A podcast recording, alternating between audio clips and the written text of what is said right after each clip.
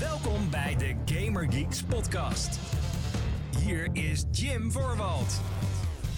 Hallo mede Gaming Geeks, wel leuk dat je kijkt of luistert naar de Gaming Geeks podcast, de wekelijkse talkshow van GamingGeeks.nl, waarin ik en een mede je graag bijpraten over alles wat er gaande is in en rondom de gamingindustrie. Ik ben Jim en tegenover mij zit de beste stagiair die je maar kan wensen, ook vanaf thuis. Het is Jasper Denel, hallo. Namaste. Namaste. oh, je denkt, uh, we zitten toch opgesloten, laat ik maar een nieuwe taal gaan leren. Dus ik, ben, uh... ik ben helemaal zen, ja, uh, Jim. Oh. Ik ben helemaal zen. Dat is beter dan paniek, paniek! ik, ik heb lekker aan de yoga gezeten. En ik ben nog nooit zo zen geweest. Meen je dit serieus? Nee, dit is echt ah, bullshit. Okay. Maar ik vond het gewoon een leuk begin. Oké, okay, ja. Bullshit! Dat, we moeten toch iets origineels in plaats van elke keer hoi. Ja, hallo, hier ben ik weer.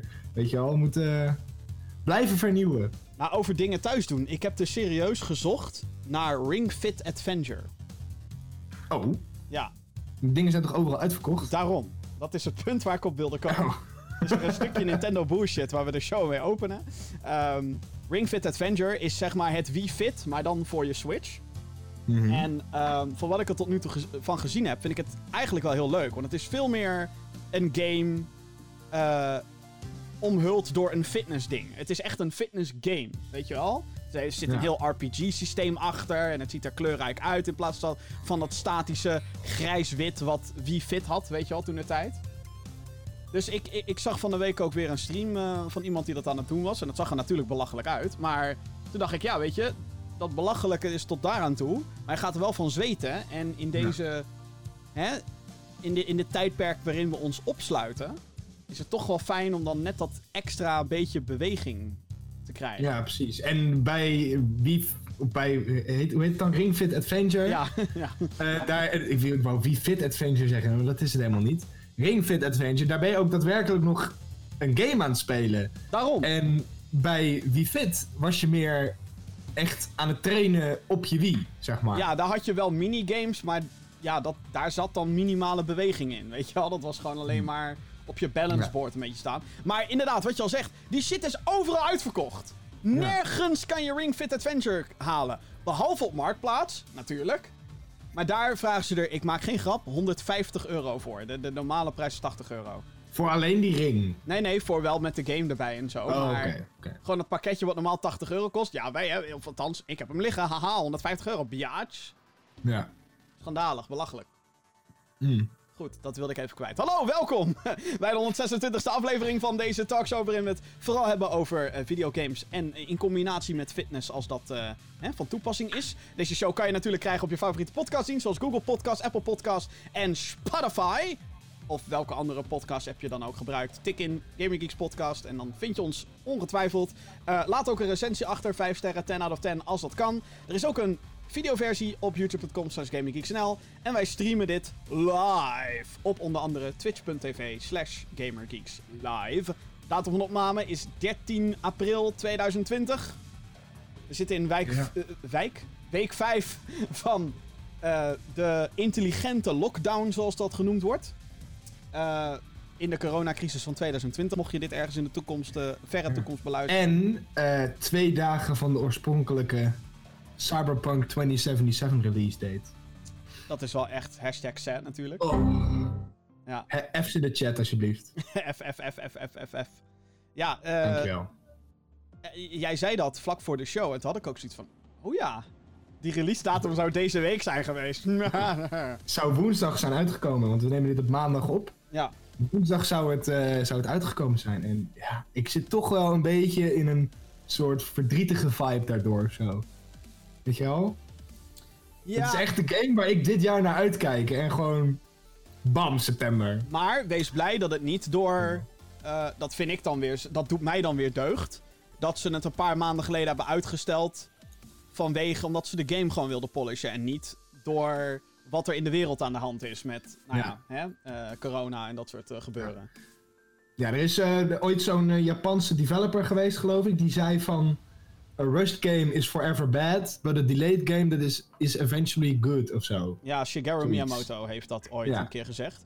Natuurlijk in, de, in, de, in het tijdperk van day one patches en updates is dat uh, ook helaas... Bullshit! Maar ja, het, uh, het, het is zeg maar een uitspraak die er continu inderdaad bijgehaald wordt op het moment dat er een buggy duidelijk niet afgemaakte release komt. Oh, ja, ja, en want als dus games worden uitgesteld ook. Ja, dat, nou ja, dat vooral. Ja, ik, ik, heb, ik ben ook altijd liever van het... Het is vaak kut natuurlijk, dat je langer moet wachten. Ik had dat helemaal met Doom Eternal afgelopen najaar. Toen ja. Ja, kon je mij bijna jankend uit het hoekje sleuren. Ehm, geen idee wat dat voor opmerking was. Maar um, ja, daar baalde ik ook van. Maar goed, het is best wel een polished game ook inmiddels. En dan merk je toch wel dat een paar maanden ineens echt het verschil kan maken. Er is ook een, ja. uh, uh, volgens mij was dat met IGN toen de tijd. Toen had Naughty Dog een interview gehouden over The Last of Us. Die werd ook een paar uh, maanden van tevoren nog een paar maanden teruggepusht. Um, en dat was, achteraf zeiden ze van ja, maar dat heeft echt wel gewoon het verschil gemaakt tussen een goed spel en de game die het uiteindelijk werd. Dus ja. laten we hopen dat hetzelfde geldt voor Cyberpunk en, en dat soort dingen. We hebben trouwens nieuws over Cyberpunk ook straks. Oeh. Ja, en het is, leuk, leuk, leuk. het is denk ik leuk nieuws. Het is, denk ik leuk nieuws. Maar goed. Um, ik vind het wel leuk nieuws in ieder geval. Ja, oké. okay, ja, dat is mooi. Uh, nou goed, uh, nu we het toch over nieuws hebben, voordat we naar het nieuws gaan, gaan we eerst naar de... De playlist. We gaan even langs de games die wij gespeeld hebben en waar we ons zegje over willen doen. En dat zijn er uh, weer een hele hoop. Jeppie, jij hebt echt een quarantaine... Een quarantaine-tip-tip. Heb jij uh, opgezocht? Of althans opgezocht. Ja. Je hebt, uh, had jij deze ook getipt in je video trouwens? Zit ik me ineens af te vragen. Was dit een officiële Gamer Geeks? Volgens mij niet, oh, eigenlijk. Het was geen officiële Gamer Geeks corona-quarantaine. Nee, wat de fuck? Maar dat kwam, dat kwam meer omdat ik het zo breed mogelijk wilde houden voor alle platforms. Oh, en ook ja. qua genre. En ik had Red Dead Redemption er al in zitten. En deze game is ook een open wereld waarin je, hè, beetje een soortgelijke game, wel heel anders. Maar hetzelfde genre, nou, zeg maar, ja, binnen games, niet, denk ik. Het is niet echt een cowboy simulator. Uh, nee. nee. jij hebt opgezocht, of opgezocht, uh, weer zitten spelen. The Legend of Zelda Breath of the Wild. Jazeker. Ik... Uh, heb mijn save-file met een beetje pijn in mijn hart. Gedelete. Overwritten. Het overwritten. Is, it's gone. is it's gone. En uh, ik ben opnieuw begonnen. Vanaf, vanaf nul. En uh, ik uh, ben nog steeds niet langs het eerste gebied. Ja. Omdat ik er eigenlijk weer niet uitkom hoe ik nou van dat eerste gebied afkom. Ondanks dat ik het al een keer gedaan heb. Nou ja, dat is herkenbaar. Um, voor degenen die weten, die het spel gespeeld hebben, die, die weten dat je op een gegeven moment een, een ijsgebied in moet. Om daar twee quests te doen. Maar je moet daarvoor moet je een bepaald soort gerecht maken, waardoor je heat resistance krijgt. En um, daar heb je er dus een recipe voor nodig, maar die recipe die weet je niet. Ja, je weet twee ingrediënten, maar de derde ingrediënt weet je niet. En ik kom er gewoon niet achter wat dat laatste ingrediënt is. En ik word er heel gefrustreerd van. Maar goed, dat is ook part of the journey, denk ik. Uh, ja, dat je moet... Voor degenen die het niet ah. weten, The Legend of Zelda Breath of the Wild is natuurlijk de Zelda game uit 2017. Kwam uit voor de Wii U. Natuurlijk het platform waar iedereen het op heeft gespeeld. En ook een paar mensen op Switch, denk ik. Ja, uh, dat was natuurlijk sarcastisch, hè, dames en heren. Je snapt dat wel. maar uh, ja, dit is toch wel... Uh, ja, ofwel je vindt dit een van de beste Zelda games ooit... Ofwel je vindt dit helemaal niet Zelda, maar... Nee, het is, het is anders dan de voorgaande Legend of Zelda het games. Het is meer opener dan ooit tevoren. Je kan echt, ja. echt een big-ass world gaan exploren. Het is echt huge, want ik, ik, de eerste playthrough die ik heb gedaan, toen was ik denk ik op 20% van de game, denk Jezus. ik. Dus nou ja, best wel een eindje in de game, maar nog niet super ver. En um, ik, ik had echt het gevoel dat ik echt nog niks gezien had. Dat, nee. Er was nog zoveel plekken waar ik niet geweest was. Maar heb je nu ook... Ik dacht nu, van, holy shit. Nu speel je het voor de tweede keer. Mm -hmm. Heb je dan nu ook inderdaad het gevoel dat je denkt... Of, of ben je überhaupt een andere kant opgegaan? Of heb je echt, merk je dat je gewoon exact dezelfde stappen neemt dan de eerste keer? Um, nou, ik ben dus nog niet langs de tutorial, dus tussen haakjes. Het is een beetje een tutorial gebiedje waarin... Oh ja, ja, ja. Dat hele grote stuk dat je denkt... Jezus, wat is dit een grote wereld. Wauw, je gaat me echt een groot ja. avontuur beleven. En dan gaat vervolgens die kaart open na pak een beetje 10 uur. En dan is het van, haha, nu begint het. En dan denk je, wat? Ja, precies. wat ja. fuck? Ja, daar ben ik dus nu nog niet voorbij. Maar ik, ik merk gewoon nu alweer dat ik over, overwhelmed wordt door hoeveel informatie en hoeveel shit er op je afgevuurd wordt in, de, in die eerste paar uur. Van oké, je kan craften. Uh, als in je kan eten craften en daarmee je, jezelf healen. En als je dat goed doet, dan krijg je meer hartjes. Maar als je het slecht doet, dan ja, kan je misschien uh, geïnfecteerd raken met allemaal gekke poison shit. Uh, je kan items oppakken en kleren vinden en ja. weet ik het allemaal nog. Het, het, is eigenlijk te veel om op te noemen wat je kan doen. En dat wordt in die eerste paar uur wordt dat je allemaal uitgelegd. Best wel stap voor stap eigenlijk, dus dat is wel heel goed. Um, maar ook heb ik zoiets van: holy shit, hoe ga ik allemaal onthouden dat ik dit allemaal kan doen? En nou, dat, ik er allemaal rekening mee hou. Daarom, daarom weet ik ook gewoon nu al. Uh, ik ben zelf uh, wat minder enthousiast dan volgens mij de gemiddelde Nintendo-fan over Breath of the Wild. Maar dat verandert misschien als ik een tweede keer ook ga spelen of zo. Omdat ik er met een totaal andere mindset nu waarschijnlijk in ga. Mm um, mijn grootste probleem met Breath of the Wild is dat het gek genoeg te open is. Op een, op een rare manier. Dat je letterlijk zoveel kanten op kan. En ik ben zo'n idioot, noem me een scrub, whatever. Maar ik kan heel veel voldoening halen uit. Oh, er staan gewoon tien vraagtekens op de kaart. En die ga ik wegwerken. En zo werkt Zelda helemaal niet. En dat is natuurlijk ook aan de ene kant waar de charme vandaan komt. Ook vooral van het zoek het lekker uit. He, ga maar dingen proberen. Dat, is, dat vind ik vooral indrukwekkend van Breath of the Wild. Dat ik dan YouTube-video's zie met Wacht even, je kan vier ballonnetjes op een grote steen zetten en die gaat dan de lucht in. Want dat is, de logie dat is letterlijk game logic, zeg maar. Ja. En daar kan ik dan wel weer heel hard van genieten. Alleen, het is zo'n... Um... Ja, het is, dit is ook zo'n game dat als ik hem ooit weer ga oppakken... moet ik ook mijn save game van 40 uur verwijderen. Want ik heb geen idee wat ik kan. Ik heb geen idee waar ik was. Ik heb geen idee waar ik naartoe moest. Of wat ik wel... Wat je aan het doen was, ja. Ja, geen idee. Dat is echt een van die Zo'n typische game is dat. En dat, dat raad ik ook heel veel mensen aan. Ehm, ik was toevallig naar een andere podcast aan het luisteren. Uh, die niet game gerelateerd was. Dat heet Man Man Man, de podcast. Het is hilarisch. Als je zeg maar een podcast tip van yours truly wilt. Ga dat luisteren, want het is echt super grappig. Maar die had dus ook over hè, quarantaine, bla bla bla bla. En een van die gasten die zegt op een gegeven moment... Ja, ik besloot dus om een PlayStation 3... Nou, moet je nagaan weer eens van, uh, van, uh, van de zolder af te halen. En ik snapte er helemaal niks van, joh. Wat een kutzooi en die controle. Ik weet al die kutknopjes niet meer. Die, die is aan het klagen, joh. Als een echte boomer. Zo, oh, ik snap de knopjes niet. En ik heb zoiets van, ja, maar... Als je na zes jaar een game weer gaat oppakken en je zit in het midden van het spel... Dan gaat die game er natuurlijk van uit, of de designers... Dat je dingen weet. Weet je wel? Omdat je het speelt. Maar ik denk ook zeker bij Breath of the Wild dat je dan al die trucjes vergeet. Lijkt me.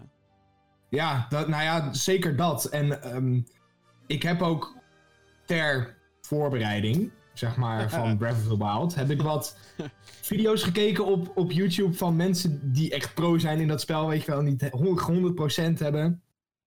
En die zeggen van ja, uh, dit zijn uh, tips voor beginners. Als je nou gaat beginnen met Breath of the Wild, dit moet je, dit moet je doen, zeg maar. Ja. En uh, nou, in een van de eerste, ja, in het eerste gebied waar je komt, uh, daar zit op een gegeven moment een soort hidden boss fight. Um, Spoilers. En ik heb in de eerste playthrough die ik gedaan heb, uh, had ik geen idee hoe ik dat ding moest verslaan.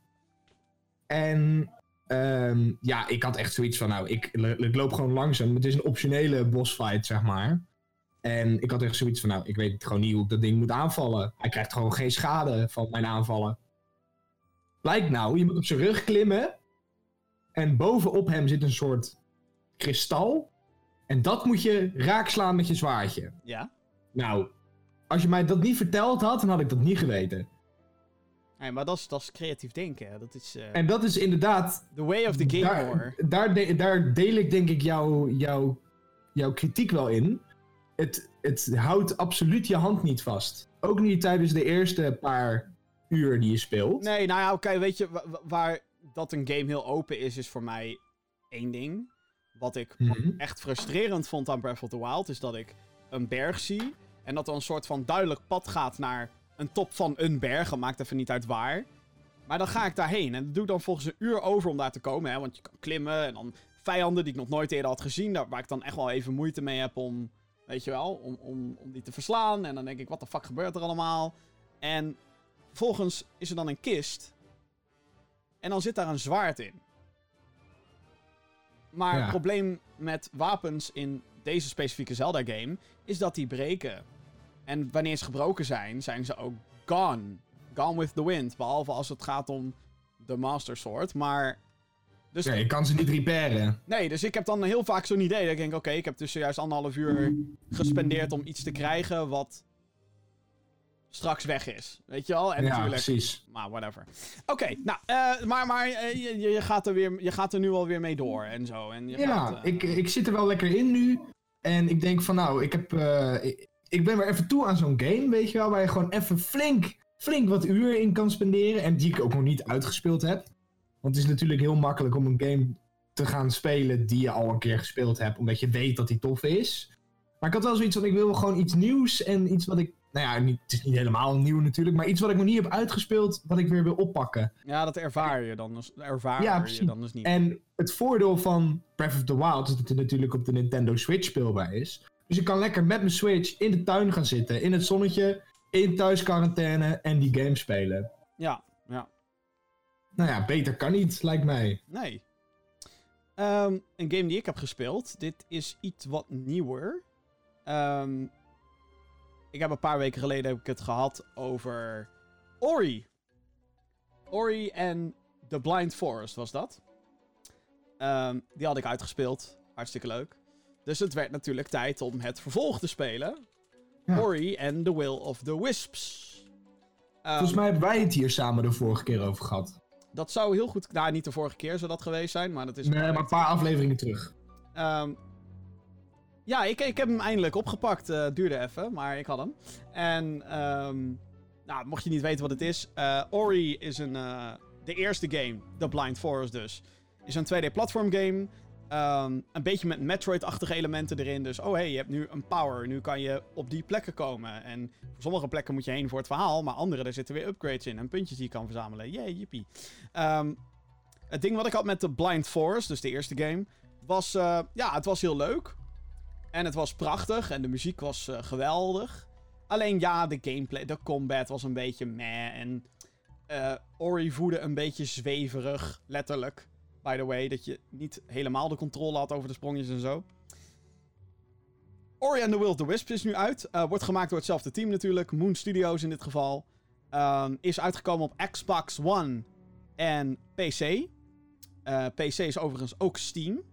Wat super chill is in dit geval. Dus niet alleen maar die Xbox, Microsoft Store, whatever. Ehm, maar Steam ook.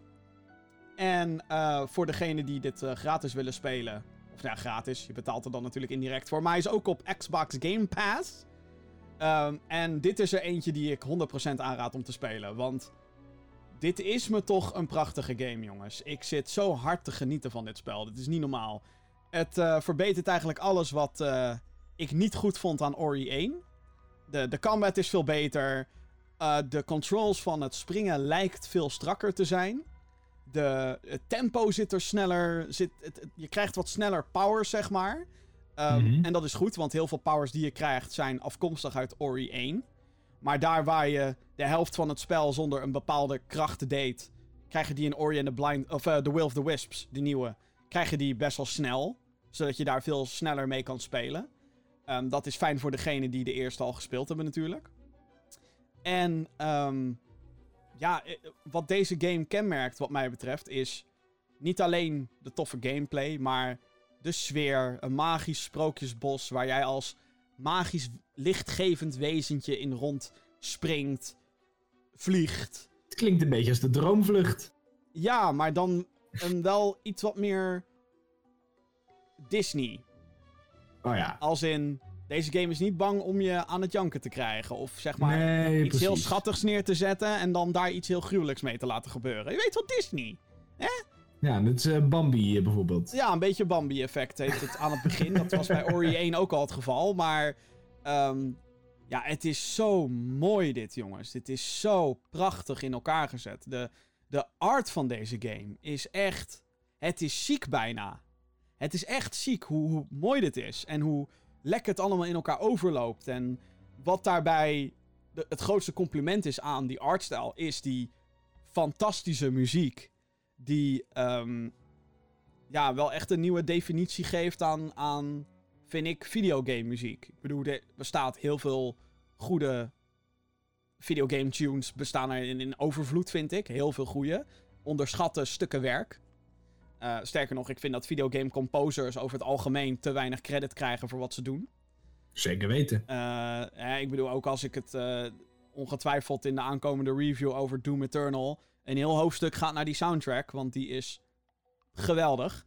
Um, maar ook deze, joh. Dit is echt. Gareth Cooker, die heeft dit gecomponeerd. Een fucking genie is het. Het is zo prachtig. Het, en daar, daar sleur je in mee, zeg maar. Het is die muziek en dan de combinatie met die graphics. En dan, je zit er helemaal in. En dan ja, en het sfeertje ook waarschijnlijk wat dat creëert. Ja, ja. En dan, en dan speelt het ook nog eens lekker. En dan zit je, oh my god. Wat Want ik denk dat, je, dat, dat zeg maar de combinatie tussen wat je speelt, dus wat je ziet, en wat je hoort, ik denk dat dat, zeg maar, die, die, die beleving voor jou, dat, dat dat helemaal compleet maakt, zeg maar. Net als zoals ik, zoals ik net zei, dat je dat in de Efteling natuurlijk ook hebt. Waar je, wat, wat je ziet in de droomvlucht en wat je hoort, dat complementeert elkaar heel erg. Ja. ja en, en, ik denk dat dat bij deze game wel heel erg tot zijn recht komt, ja. zo hoor. Nou ja, wat, wat gewoon heel indrukwekkend is, is... Uh, en dit is dan voor mij een soort voordeel. Ik denk, Kijk, ik heb dus de vorige heb ik best wel onlangs gespeeld, weet je wel. Het staat bij mij nog best wel in mijn geheugen. Mm en voor anderen is dat misschien al een paar jaar geleden. Dus die gaan natuurlijk weer helemaal, oh, Ori, en het is weer Ori, weet je al. En voor mij is het, oh mijn god, het is meer Ori. En het is, het beter, is beter Ori. Het is betere Ori. Uh, en ik denk, ik denk niet dat heel veel mensen dat per se gaan ervaren. Omdat ze waarschijnlijk denken ook, maar de Blind Forest was ook zo. Ja, daar, ik denk dat heel veel mensen zich daarin vergissen. Want dit is echt, echt heel veel beter. Maar wat is zeg maar het, het grootste verschil wat jij nu ervaart de, de in gameplay. Will of the Wisps?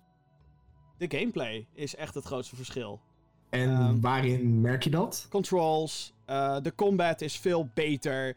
De, de combat in de eerste game was dat je een soort van spirit had en die schoot een soort van homing missiles. Nou, dat was wel mhm. leuk, maar het was een beetje clunky. Het was een beetje. Uh, ik had ook als commentaar dat je door de lichteffecten, die heel, heel erg fel zijn en iedereen heeft een soort van gloed om zich heen. Daardoor kon je ook niet goed zien wat er gebeurde. En hier heb ik daar veel minder last van. Er zitten ook veel meer bossfights in, dus de game weet ook dat het beter is in die combat. Uh, en je zou denken, ja, maar Ori is een platform game. Dat blijft het ook. Maar het heeft nu ook nog eens betere combat. Ja. Waardoor die stukken ook minder irritant zijn. En waardoor je ook veel minder gaat button bashen en veel meer gaat nadenken. Je hebt nu ook verschillende skills die je kan assignen. En je hebt eh, in plaats van gewoon upgrades, heb je nu shards. Dus dat zijn een soort van equipment slots. Uh, dus je moet kiezen. Hè, wil je, wil je een, een enemy van verder af kunnen grappelen? Of wil je toch net dat extra health pointje hebben? Ik zeg maar wat. Ja, precies. Dus, dus er is veel beter over nagedacht. Het is veel beter uitgewerkt. En de graphics zijn ja, op hetzelfde niveau, uh, hetzelfde niveau dan wel niet mooier. Want ik heb het idee dat hier veel meer verschillende kleuren in zitten dan in de, in de eerste game. En ik ben pas vier uur onderweg, by the way. Ik heb nog niet eens uitgespeeld. Um, en ja, volgens mij weten ze nu gewoon heel goed hoe ze een Ori-game moeten maken. Uh, het voelt bijna alsof de eerste een soort van uitprobeersel was.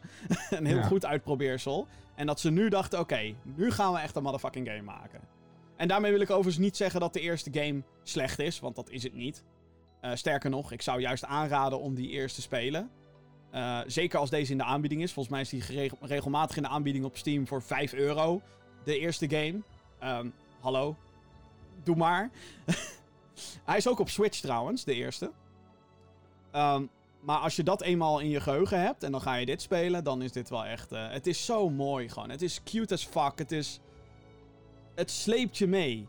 Het sleept je mee als een, als een, als een Disney-film, inderdaad. Als een droomvlucht, als een, een attractieritje ja, in, ja, in, in, in, de, in de. Of Disney, whatever, maakt niet uit eigenlijk.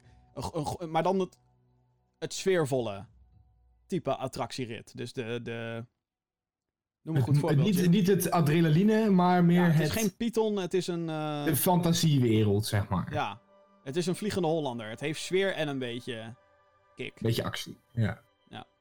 Oké. Nou ja, misschien als ik ooit Breath of the Wild heb uitgespeeld, Ja, dat ik dan wel zoiets heb van... eh, Ik spreek jou in 2020. Eh, het is 2020! 2021. Ja, god, daar, daar ging mijn grap ook weer. Wat een faal. Anyway, ja, ik wilde zeggen 2022, maar ja, dan, hè, grap is nu al weg. Goed. nou te ja, laat. aanrader, Ori. Ori in the Will, ik vind het echt prachtig. Ik vind het echt prachtig. Als dit, als dit niet in mijn top 10 Game of the Year lijstje gaat komen, dan eh, moeten er of heel, heel, heel veel goede andere games uitkomen. Van uitzonderlijke kwaliteit. Ehm, dat. of, of de game moet nu ineens heel shit gaan worden na vier uur. Dat ik zoiets heb van, wat een kutsaai en er zit niks meer nieuws in, bla bla bla. Maar Ja, ja. eh, deze eerste vier uur die ik nu heb gehad, meer dan waard. Oké, ehm, volgende. Jeppie, jij hebt, je hebt nog wat. ja, ik heb ook een game gespeeld waar ik de eerste paar uur heel erg door onder de indruk was, maar die het in het laatste paar... Nou, het laatste uur eigenlijk vergooide. Laatste minuten. Oh, Ja, oh. en dat was eh, Close to the Sun. Close to the sun. Nou, dat was, Close to the Sun. dat was Yes. heel warm zeker. Nou, ik werd er niet warm van. Oh! Jeetje, wat slecht. Oh, als je nog dad jokes zoekt, welkom bij de Gamer Geeks podcast. Goed, dus jij, eh, deed, eh, hè, jij, jij, jij zette je beeldscherm aan of je sunscreen.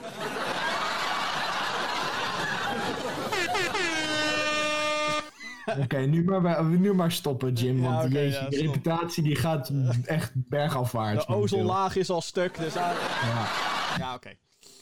ja. Close to the sun. Wat, eh, Close to the sun, vertel. ja, Close to the Sun is een spel. Sorry, ja. is een videogame. Ja, Nou, nou, dankjewel. Dat was het, dames en heren. Eh, Ja. Zometeen in de Gamer Geek. ja, oké. hè? Nee, nee, nee. Het is een, ehm, een horror-adventure walking simulator. En eh, hij is ontwikkeld door het Italiaanse Storm in a Teacup. En uitgegeven door het Britse Wired Productions. Hallo. Die, on- die onder andere ook eh, het Nederlandse The Falconeer en Deliver Us the Moon gaan uitgeven. Ja, zo, de Falconeer, daar heb ik zin in, jongens. Oh, Oh, shout-out. ook. Shout-out Maar- naar Thomas Sala. Zin in je game. Hey. Maar ehm, Close to the Sun is dus ook van die uitgever. En aangezien wij op Gamescom hier een voorproefje van hebben gehad van deze game. Van onder andere Close to the Sun, The Falconeer en Deliver Us the Moon. En we eigenlijk allemaal wel enthousiast waren over wat wij gespeeld hebben. Ja, dit was, dit was zeg maar zo'n game. eh, en dat, ik heb dat bijna nooit. Ik stond daar op die beurs. En sommige games demoen gewoon niet goed op een beurs. Mhm. Weet je wel, dat je gewoon denkt... Ik moet dit thuis spelen met, weet je wel, eh, een koptelefoon op. En, en als ik in mijn vibe ben, weet je wel, in je gaming vibe. Ja, precies. En eh, ik zat dit een kwartier te spelen, geloof ik. eh, op eh, PS4. En daarna liet hij me Mhm. de Switch-versie zien. Op een, op een handheld Switch. Zo van: hey, ik heb hem ook op Switch. Toen dacht ik: oké, dat, is- dat wil ik wel even zien, weet je wel, van hoe dat draait. Mhm. En eh, toen zei ik ook gewoon na een kwartier: ik zeg, ik bedoel hier geen offense mee. Echt absoluut niet. Hij begreep het gelukkig ook, die ontwikkelaar. Eh, maar ik zeg: ik wil dit nu niet spelen. Weet je wel, ik wil Ja. dit spelen als ik thuis ben. Eh, nou Ja. had ik daarna helaas geen tijd om dat te doen. Maar lo en behold, dames en heren. Tipje, als je dit luistert voor... Help, data, moeilijk. Volgens mij de 17e. De 17e van april 2020. Hij is gratis op de Epic Games Store. Ja, zeker. Maar goed, ja. Maar, je Ehm, zoals ik net al zei, ik was er niet heel erg over te spreken. En dat had vooral te maken met drie dingen. Oh, Allereerst het verhaal. ja. Ehm, dat, wat ik net zei, de eerste hm, anderhalf tot twee uur was ik echt full on. Ik zat er helemaal in. Ik dacht, dit is de fucking shit. Dit wordt fucking briljant zometeen. Want ik, ik zat er echt... Ik was geboeid. Jij dacht, ja hoor, Ik was geïntrigeerd. Ik dacht, holy shit, dit is briljant. Waarom heeft niemand dit ooit nog gedaan? Ik Nou, had nooit zoiets en, toen, gezien. en toen kwam de reden waarom nooit iemand het gedaan had. Of, Ja, omdat het op een gegeven moment dacht ik... oh, Je, ik zag de plot twist al van mijlenver aankomen. En ik Ah, dacht, dit vind ik heel jammer.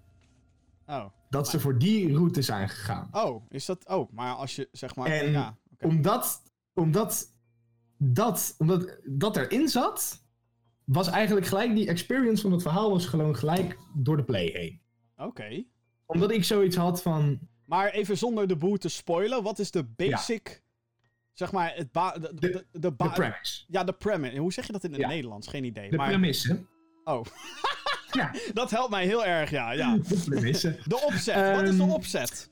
Je speelt als Rose Archer. Dat is een eh, journalist en zus van Ada Archer. En Ada Archer is een briljante eh, wetenschapper, wetenschapster. Het zijn twee zussen. En Ada Archer is eh, ehm, door Nikola Tesla, de, de ja, dan bekende naam. Eh, die bekend. eh, heeft onder andere heel veel gedaan voor het huidige stroomnetwerk wat wij gebruiken. Alles wat stroom heeft, daar heeft Nikola Tesla wel zijn, zijn invloed op uitgeoefend. Ehm, en eh, hij heeft een, in een alternatief 1997 heeft hij een fucking groot cruiseschip gemaakt. Dat heet de Helios.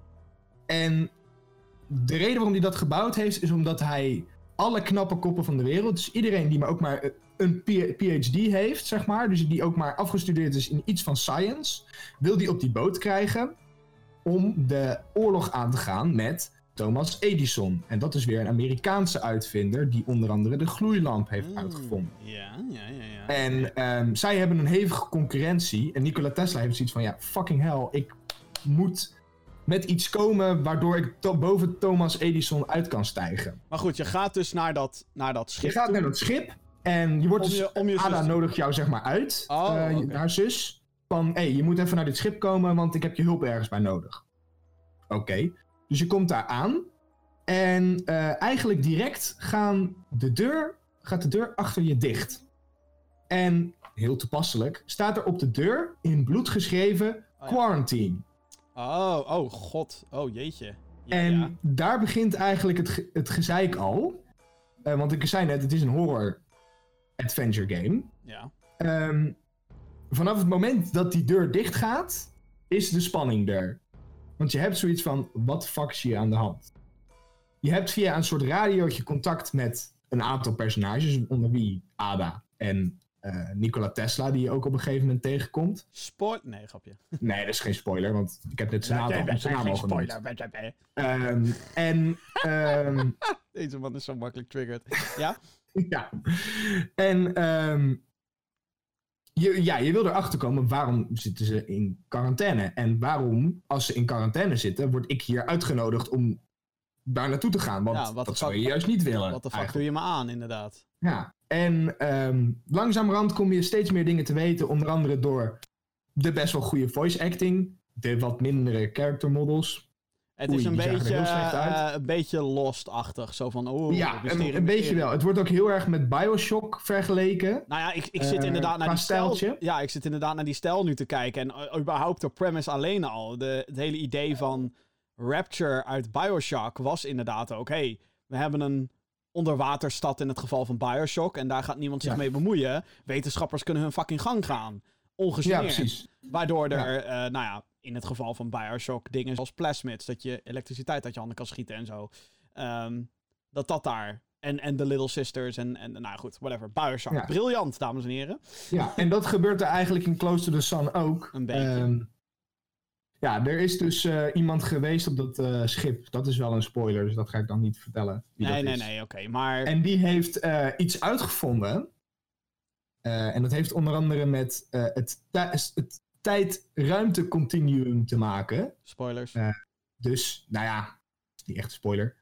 nou ja, ehm, ik vind dat best wel een significant plotpunt die je daar even noemt. Ja, oké. Ehm, maar goed, die heeft dus daar mee lopen rommelen.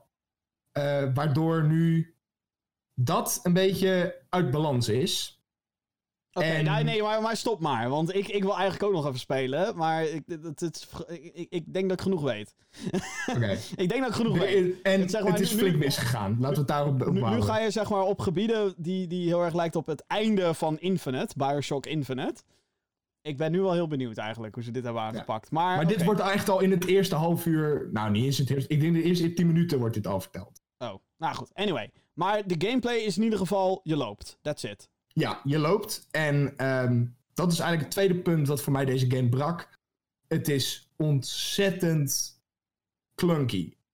Ah. Eh, het, het, het springen over obstakels gaat niet goed. Het klikken op knoppen gaat niet goed. De game registreert gewoon niet goed waar ik aan het klikken ben.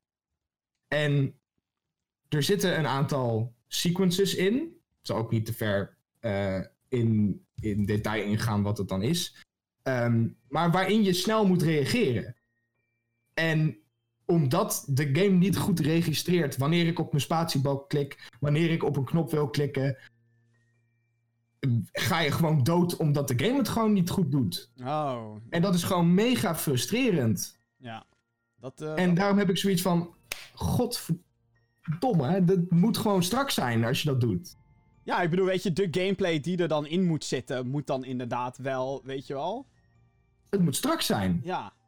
Ja. En dat had ik ook met de, het derde punt, de performance. Oh, Nou, ik heb best wel een goede PC. Ik kan de meeste games gewoon prima op normal tot high eh, graphics kan ik ze gewoon draaien, weet je wel. Op 30 à 60 fps. Dat is voor mij prima. Ehm, maar deze game die hakkelde. Holy shit. Want er zaten een partij licht en particle effects in deze game. Dat ik echt wel. Het zag er heel mooi uit. Maar ik moest echt naar low, low, low quality om deze game enigszins op 30 fps steady te kunnen draaien. Dat ik echt dacht van, nou, zo goed ziet het er nou ook weer niet uit. ja, oh, dat is jammer, ja. En dat brak voor mij wel een beetje het spel. En ook de, de je komt een aantal characters tegen de. En die, die, die bewegen alsof ze robots zijn. En dat, dat, dat haalde mij zo uit die ervaring dat ik echt zoiets had van nou. Dit, hier hadden ze echt wel even wat meer, meer aandacht aan mogen besteden. Ja, ja. Maar ja, aan de andere kant denk ik ook wel.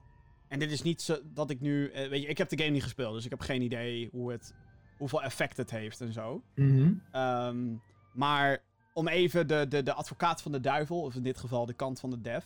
Het is natuurlijk ook een kleine studio die hier iets best wel ambitieus neerzet van wat ik er tot nu toe van heb gezien. Ja, tuurlijk. Maar Dus zijn ze Kijk, te en, ambitieus en die geweest? animaties en zo, die animaties en zo, dat kan ik ze nog vergeven. Omdat ik zoiets heb van inderdaad, het is een kleine studio. De credits aan het einde, die duurden helemaal niet zo lang, want ik heb hem uitgespeeld. Ehm, maar toch, het, het is heel erg ambitieus. En over het algemeen werkt het heel goed. Maar door zulke kleine dingen, dat haalt me heel erg uit de game. En dat vind ik toch dat brak het een beetje voor mij of zo. Dat die ervaring niet 100%. Dat ik niet kan zeggen van joh, ik ben er echt heel erg over te spreken of zo. Ik kan het niet de hemel inprijzen en dat vind ik jammer. Ja, ja. Nou, daarom is het misschien ook wel goed dat dit nu free is op de Epic Games Store.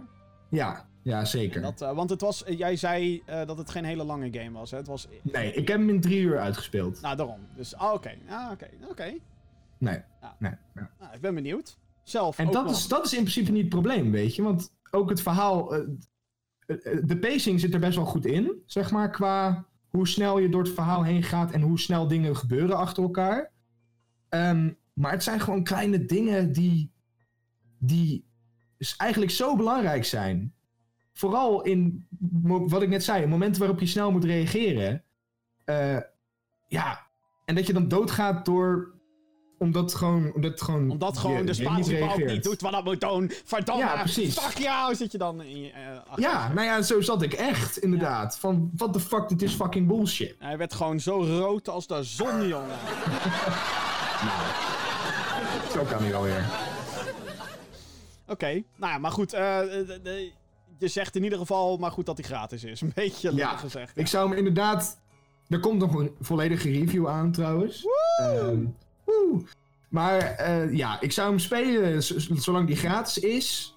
Maar ik zou er geen 20 à 30 euro voor neerleggen. Nee, oké. Ja, overigens, als je hem nu claimt op Epic Game Store, is hij voor altijd van ja. Ja, Althans, zeker weten. Dus eh, dat is wel... Hij is wel... Ja, hij is wel de moeite waard. Ja, Maar je gaat wel zien dat het wel af en toe erg frustrerend het kan is zijn. een beetje eh. Ja, de potentie is niet helemaal uitgehaald. Nee, oké, nou ja. Ehm, maar goed dat ze dan bij Wired zitten, want volgens mij heeft Wired echt wel eh, Maar is dat wel een partij die bij je blijft of zo? Heb ik het idee. Ja, Maar geen idee. ja. Goed, ehm, tot zover. Zometeen in de Gamer Geeks podcast. CD Projekt Red heeft grote plannen voor Cyberpunk 2077. Althans, als de game uit is. Dan hebben ze grote plannen. Ook daarna. Wat dat zijn, laat ik je zo meteen weten. Zo, godsamme. WhatsApp Oh. komt er even tussendoor. Ik ben... Ook nog, ik ben belangrijk. Nee. Ehm, er komt nog een Resident Evil remake aan. Vraagteken, vraagteken, uitroepteken. Wat? Wat het zal zijn, zal je verbazen. En jouw vragen beantwoord. Heb jij een vraag voor de show? Of je dit nu live tijdens de Twitch-stream meekijkt? Of je luistert dit via je favoriete podcastdienst? Of je kijkt dit op YouTube? Stuur jouw vragen nu al naar podcast.gamergeeks.nl Nieuws. Ja, het grootste nieuws van deze week ehm, was een drop. Een verrassing. Yep. Ja, Vanuit het ik niets. eh, ben wel hyped. Ja, vanuit het niets heeft Sony de controller voor een aankomende console, de PlayStation 5, onthuld. De nieuwe controller heet DualSense en bevat voor het merendeel dezelfde knoppen als de voorganger, de PlayStation 4 controller, de DualShock 4. Wel is het design wat dikker, waardoor het doet denken aan een Xbox controller. De share-knop die gaat vervangen worden door een create-knop, waar PlayStation mee hint dat er meer mogelijkheden zijn om gameplay te delen. De trackers, ook wel bekend als L2 en R2, eh, zullen haptic feedback krijgen en adaptive zijn. Dit houdt eh, in principe in dat, je, eh, dat hoe ver je de trackers indrukt, dat dat effect kan hebben. Daarnaast kan er dus ook trilling of terugslag komen in die specifieke knoppen. De lightbar lichten van de DualShock 4 zijn nu verhuisd, verhuisd naast het grote touchpad. Zodat je dit als speler duidelijker moet kunnen zien. Eerst staat het op de achterkant, dus als je dan de controller gewoon beet had, dan kon je niet echt goed zien wat voor kleur lichtjes dat waren. En dat wordt wel eens gebruikt in games. Eh, de aansluiting om op te laden lijkt die van USB-C te zijn als je naar het plaatje kijkt. Het design is voor het merendeel wit, met een zwart motief aan de onderkant als je de controller van voren bekijkt. Er werd bij vermeld dat de DualSense de standaard wordt voor PlayStation 5 en deze staat nog altijd gepland voor najaar 2020. Oh ja, en een andere toevoeging is een ingebouwde microfoon, waardoor je makkelijker kan communiceren met mensen online. Ehm, voor langere gesprekken adviseert PlayStation nog wel om een headset bij de hand te hebben. En hier is ook een aansluiting voor aan de onderkant. Dus een ingebouwde microfoon, nieuwe triggers, een nieuw design en ehm, ja, dat. de, Ja. du- de DualSense. Nou ja, het, het, het blijkt de volgende stap te zijn. En een logische stap ook, denk ik, voor de PlayStation controller. Zeker dat, ik, zeker dat wat jij net vertelde over die trackers. Dus dat er ook daadwerkelijk, als jij Call of Duty aan het spelen bent of zo.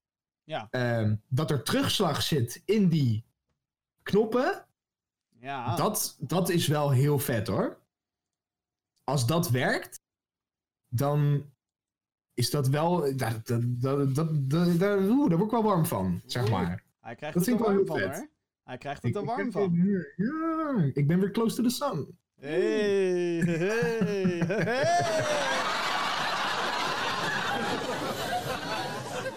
Heel Ja, slecht. nee, ik had, eh, eh, hoe heet het? Eh, heel veel mensen, er wordt een beetje gemengd op gereageerd, weet je wel? Het is een beetje, ah, ik vind het lelijk, of ik vind het niet... sommige mensen hadden waarschijnlijk iets anders in gedachten bij Ja. hè, het zien van die controller. Ik, ehm, ik vind het design wel tof. Ik snap alleen inderdaad niet waarom ze nu ineens voor zwart aan de onderkant en dan de rest wit en dan zijn de trekkers ineens weer zwart. Het is een beetje, ja, het oogt... Het leek heel erg op een storm, Stormtrooper, vond ik. Ja, er zijn ook al photoshops geweest natuurlijk van hoe de controller er volgens die mensen uit zou moeten zien. Ja. Ehm, waarvan sommige overigens dat ik denk, ja, dat, dat klopt wel. Weet je, wel. en andere dat ik denk, nou jongens, hè, doe chill, doe rustig aan. ja, precies. Maar ik, ja, ik, ik vind inderdaad de kleurkeuze vind ik heel raar. Maar het design vind ik dan wel weer mooi. Ja, ja, ik vind design ook mooi. Het is wel echt een, eh, ja, het, het, het ziet eruit als een stapje vooruit, zeg maar. Ja, En- precies. Ehm, ja, een ander teleurstellend dingetje, maar dat is iets wat ik gewoon voorspeld had. En ik ben nu zuur dat dat een, natuurlijk niet is geworden. Maar het touchpad is er weer. En Yay. ik had ergens verwacht dat het een touchscreen zou worden.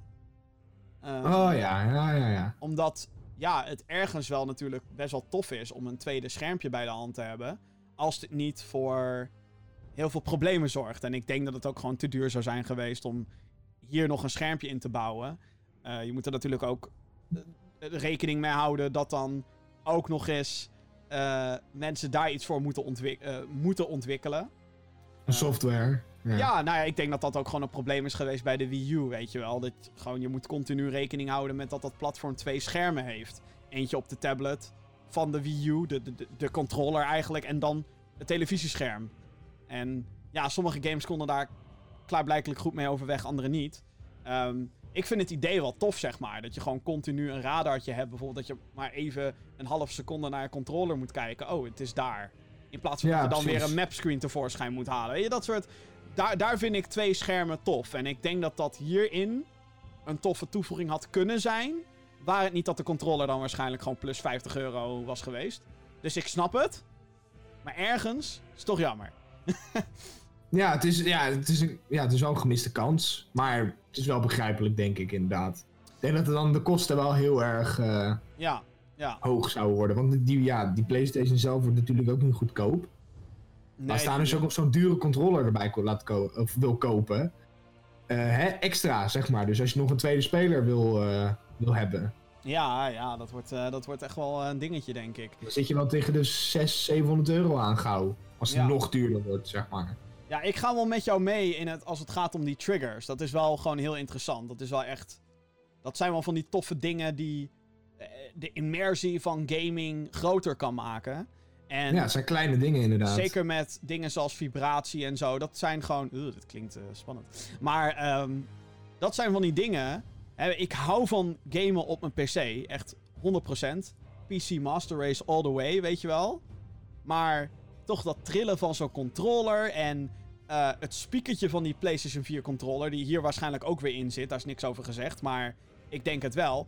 Ook dat voegt soms echt wel een tof effect toe hoor. Dat je ineens een bepaald geluidje van een audiolog of zo hoort uit de controller in plaats van alleen uit je scherm.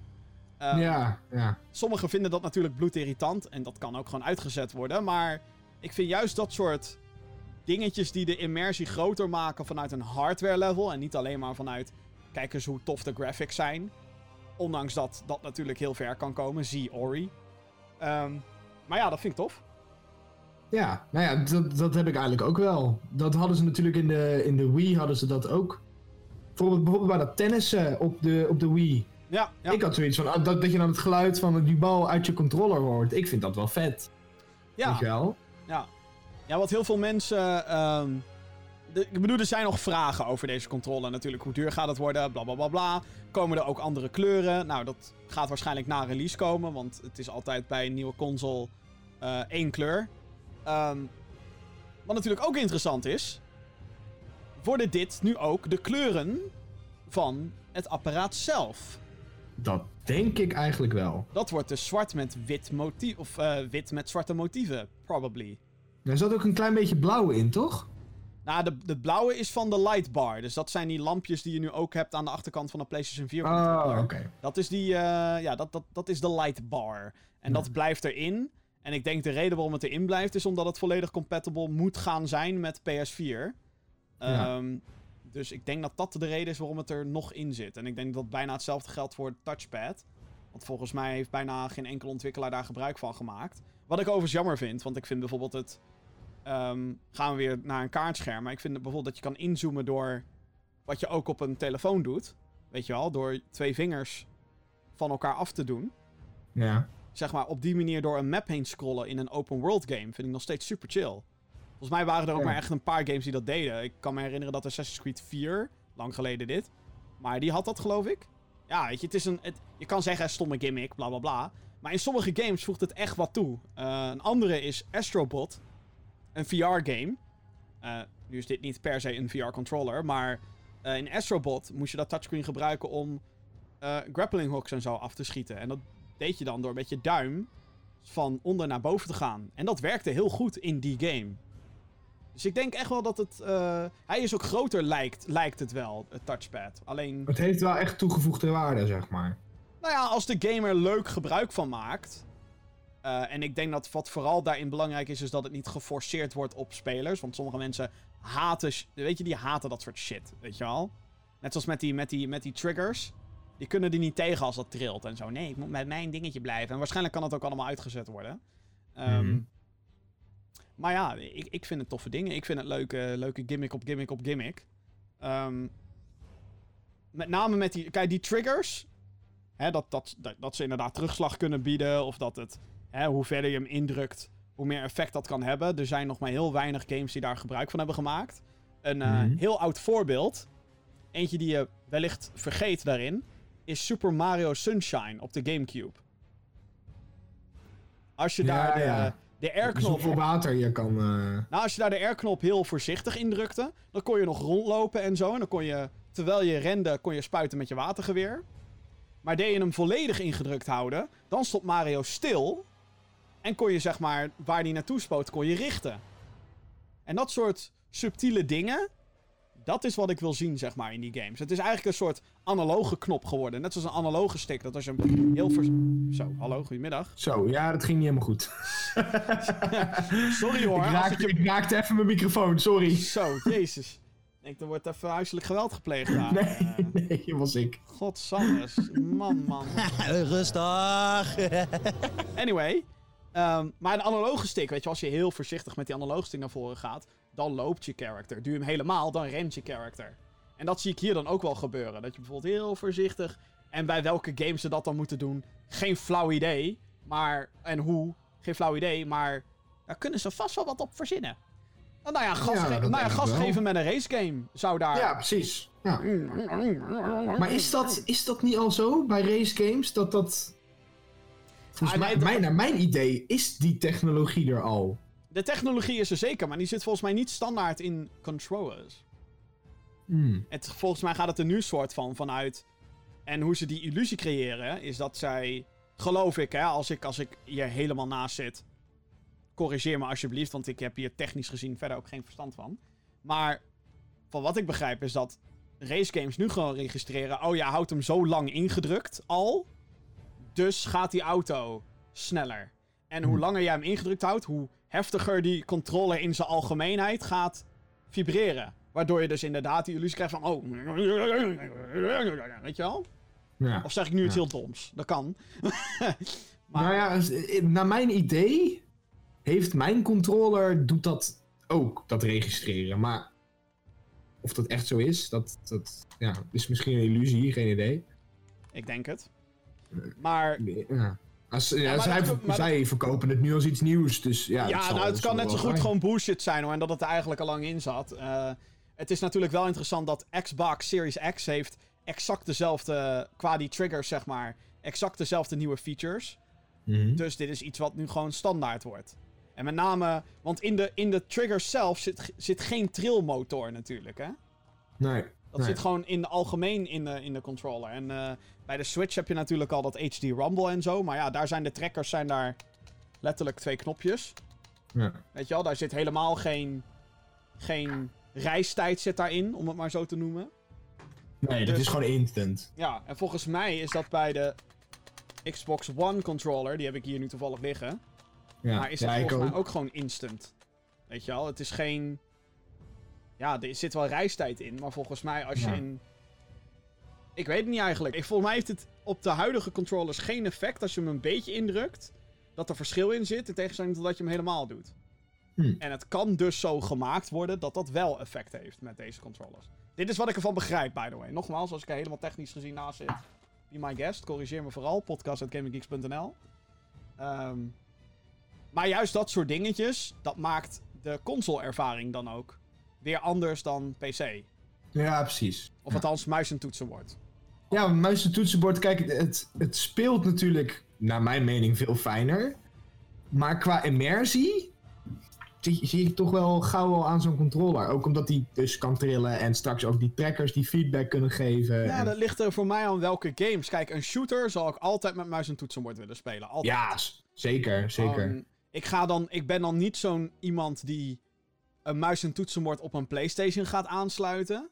Mhm. Kan natuurlijk makkelijk. Althans, ik weet dat sommige games, met name op Xbox, die ondersteunen nu gewoon muis en toetsenbord.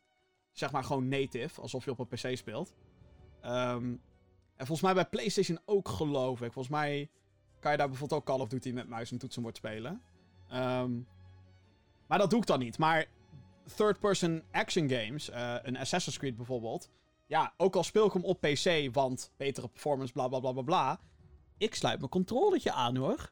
Ja, precies. Ja, ja ik, nee, ik ook. En uh, dat heb ik bij ja, een aantal games waar ik liever met een controller speel. Net als bijvoorbeeld uh, een, een, favorietje van ons, uh, Little League Blaze.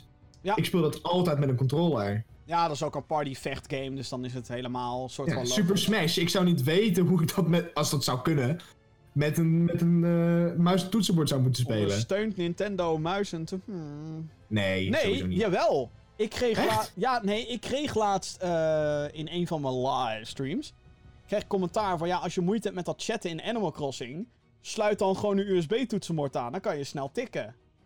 En ik, wat? Onderst wat? Weet je, Ondersteunt ze dat? What the fuck? Ik zat helemaal, wat heus? Dat vond ik best wel gruwelijk eigenlijk. Gewoon echt zo'n dingetje dat je denkt... Wie, wie sluit er op een Nintendo-console een toets? Ja, voor dit soort gelegenheden kennelijk, maar... Ja, precies. Ik heb het zelf nog niet uitgeprobeerd, moet ik zeggen. Eigenlijk oh. moet ik gewoon zo'n dikke vette gaming keyboard aan een Switch. en dan in Animal ja, Crossing. Dit, dit, is echt een uh, the more you know uh, momentje voor mij, want ja. dit wist ik dus echt niet dat dit kon. Nou ja, het schijnt hè, ik heb het niet zelf uitgeprobeerd, maar... Ja. Kan zijn dat kaart getrold ben. Maar goed. Um, ja, verder nog commentaar op de controller van de PlayStation 5. Nee, ja, ik ben benieuwd uh, hoe die vasthoudt. Ik ben benieuwd ja. hoe dat. Hoe het, dat, moet, dat moet uiteindelijk de deal voor mij sluiten. Of die lekker speelt. Ja, hij is ook wat dikker, hè? Hij heeft veel meer de, ja. de vorm ja, van... Dat vond ik wel met de DualShock 4. Dat de, want ik ben natuurlijk een Xbox-controller gewend. En die zijn best wel fors en best wel, best wel dik. En die DualShock die vond ik toch altijd wel wat, mm, wat dunnetjes en wat illig aanvoelen of zo. Op een of andere manier. Ja, dit is wel echt wat voelde meer... Niet, voelde niet fijn of zo. Dit is wel echt wat meer... Uh... Ja, standje Xbox. Meer chunk. Ja, ja, en, ja. en, ze zeggen dan dat dat dus juist te maken heeft met die extra motortjes die erin zitten voor die triggers. Dat het daardoor wat bulkier is geworden. Oh, maar dat vind ik niet erg. Nou ja, overigens is de analoge stickindeling is wel hetzelfde gebleven. Dus je hebt twee analoge sticks aan de onderkant. En dan de D-pad links. En dan de uh, kruisje, vierkantje, driehoekje, rondje, die zitten rechts. Ja. Ja, ik vind het wel slik eruit zien hoor. Het, het, ja, het oogt voor mij een beetje als een soort jaren 2000 design. als iemand uh, in, in het jaar 2005 een concept had moeten maken van hoe gaat de PlayStation 5 controller eruit zien. In de toekomst. Dan hadden ze, dan hadden ze waarschijnlijk ook zo'n design kunnen maken. ja, nou ja, sowieso. Dus ja. maar goed, dat is ook wel. Ja, het, het, moet een beetje. Eh, het hangt er een beetje af hoe straks de console eruit gaat zien. Ja, Want die moet natuurlijk wel met dit design een beetje matchen. Ja. Overigens, uh, laatste commentaar wat ik dan nog heb. De microfoon, die dus mhm. in de controller zit, vind ik dus ook heel erg lachen. Want ook dat is een gimmick in sommige games. Um, of althans, dat kan een gimmick gaan worden. Die in sommige games echt tot heel veel grappige dingen kunnen leiden. Um, ja. Nintendo deed dat op de DS onder andere. Ja, blaas nu in je DS. Want er zat een microfoontje ja, in. Ja, ja, ja. En um, in PT, die playable teaser wat Silent Hills ooit had moeten worden, maar gecanceld werd. Ook daarin moest je dan die play, dat, dat stomme PlayStation headsetje moest je aansluiten. En dan, hello Lisa. Lisa, moest je zeg maar roepen naar iemand, naar een fucking spook in die game. Alsof die fucking game al niet eng genoeg was. Nee, je moest ook nog eens tegen een spook gaan praten. Nou, dat soort oh, shit kan je nu dus standaard doen. Omdat die microfoon in de controller zit. No excuses. Ja, nou, ja, nou, stel je voor, een fucking stealth game. Dat als er te veel herrie in jouw omgeving is. Of je schrikt van iets. En je mhm. gilt en dat er dan iets op je afkomt. Dat is fucking lauw gewoon. dat is toch fucking gruwelijk? Dan kan je echt gewoon ja, uh, de, de, de lickers in Resident Evil 2, die zijn blind. Maar, hè, weet je, ze kunnen jou niet horen als je voorzichtig rent met je personage. Maar wat nou als je te veel herrie maakt in je controller? Dat ja, is zo lauw, jongen, dat soort shit. En dat kan je dan waarschijnlijk ook uitzetten en zo, bla bla bla. Maar juist dat soort gimmicks. Het is een gimmick, maar het kan een game wel net even wat, wat leuker maken, denk ik. Ja, ja ben ik het mee eens. Ja, ook vooral partygames, denk ik. Ja, Ik denk dat dat het ook wel... Ja, precies. En het is gewoon handig als je alleen maar even iemand snel wil uitschelden in Call of Duty. Ja, precies. Dat je gewoon de controller bij, bij je mond houdt. En als, je geen, en als je inderdaad geen zin hebt om je headset op te zetten, hè, dat je gewoon, ik heb vandaag geen zin in een headset. Dat je niet nog een externe microfoon moet aansluiten of bla bla bla, maar dat het gewoon in je controller zit en dat je in principe prima te verstaan bent, weet je wel. Fuck you motherfucker, I'm better in Call of Duty than you. Fuck you, fuck you. dat is wat er gaat gebeuren. Ja, PlayStation 5 DualSense en uh, nou ja, dan als laatste eindnoot dus. Nog het staat nog steeds gepland voor 2020. Nog steeds. Ik hoop het. Het is nog steeds, um, ja, het, nog geen uitstel vooralsnog. Nee. Dus dat is um, goed nieuws. Juist. Goed nieuws, dames en heren. Hou het daarbij. Bij het goede nieuws graag. Um, ja, dan, uh, dan dit nieuws. Uh, volgens website Video Game Chronicles is de Japanse uitgever Capcom bezig aan een remake van Resident Evil 4. Holy shit. What the fuck? What the fuck? En de reden om... Oké, okay, de reden om wat de fuck is dat... dat um... Komt zo. Um, het schijnt dat studio M2 bezig is aan het project. Ze hebben ook geassisteerd aan de remake van Resident Evil 3.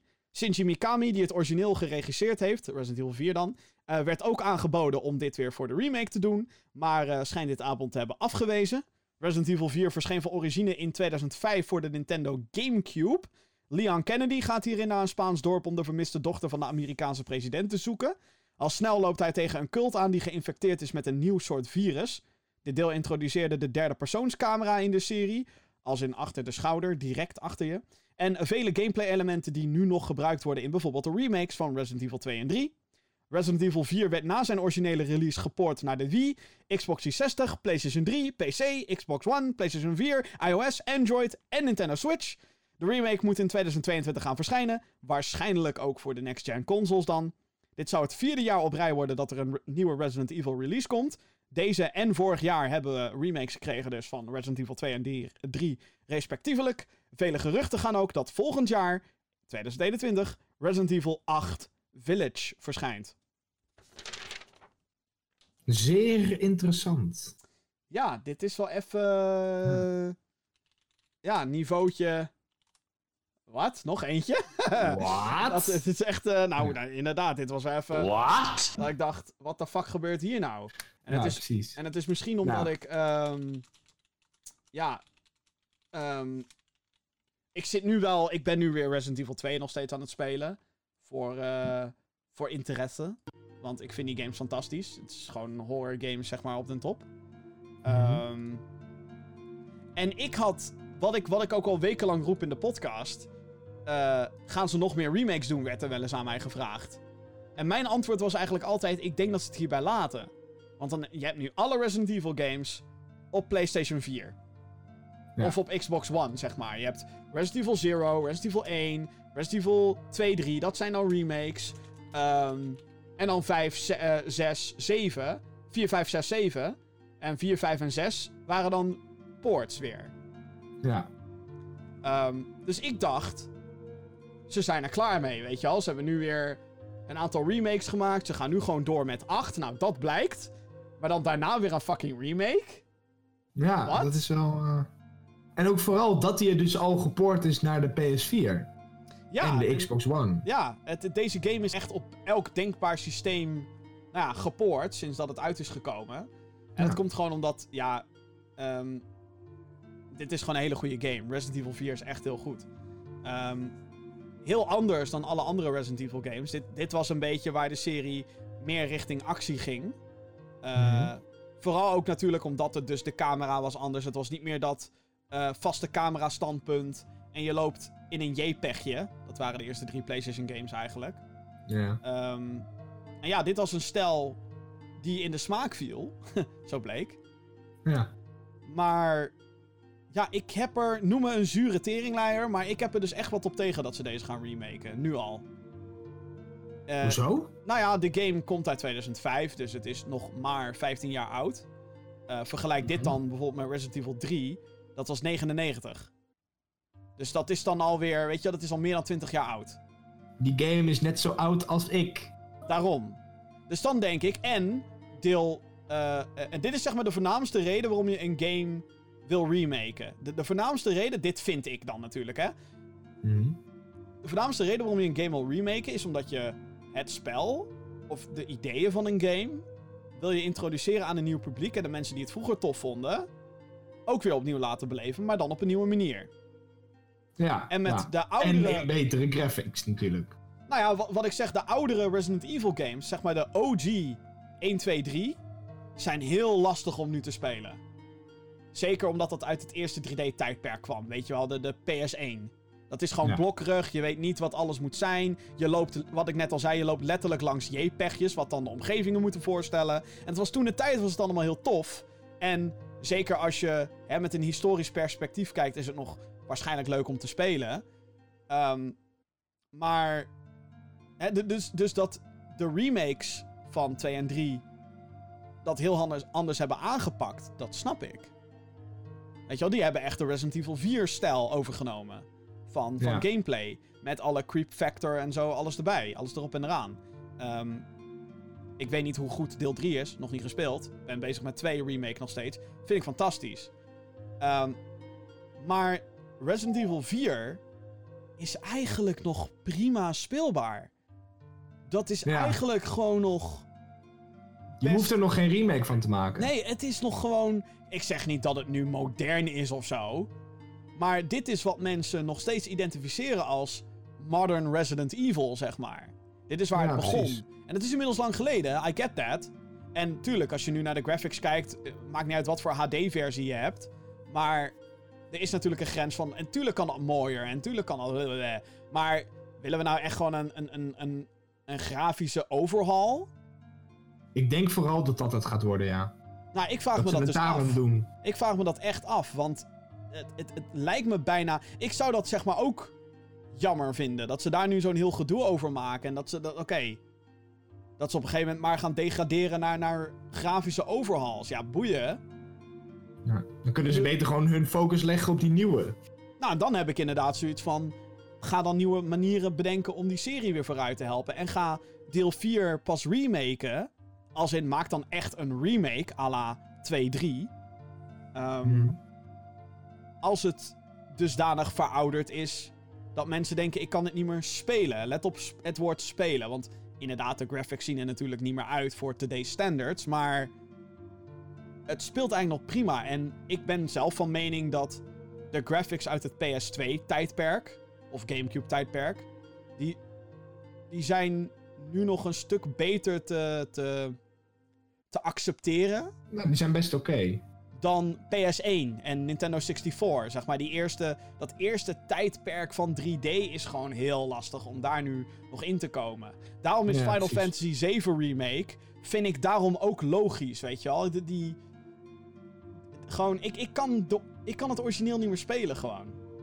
Maar ik, ik deel deze... En dit is misschien ook, moet ik erbij zeggen... Het is misschien ook omdat ik echt hele goede herinneringen heb met deel 4. Dit speelde ik op, op de PS2. Ik was nog een klein jochie. Ik was nog een pubertje. Ik vond dit echt fantastisch. Weet je wel? En, en ja, ik, ik zie daar gewoon nu niet... Ik, ik, waarschijnlijk heel veel mensen die nu luisteren die denken... Oké, boomer. Maar Je ziet de meerwaarde niet. ik zie de meerwaarde op dit moment... En ook over twee jaar niet. Want het duurt natuurlijk nog twee jaar voordat deze dan zogenaamd uit zou komen. Uh, Mhm. Als dit waar is. En inmiddels kunnen we er eigenlijk soort van van uitgaan dat het waar is. Omdat weet ik hoeveel websites ook dit nieuws hebben overgenomen. Ehm, maar ja, ik. eh, ik weet, ik, ik had dan liever gewild dat ze Code Veronica hadden geremaked. En als je niet weet wat dat is, Code Veronica was eigenlijk bedoeld als Resident Evil 3 toen der tijd.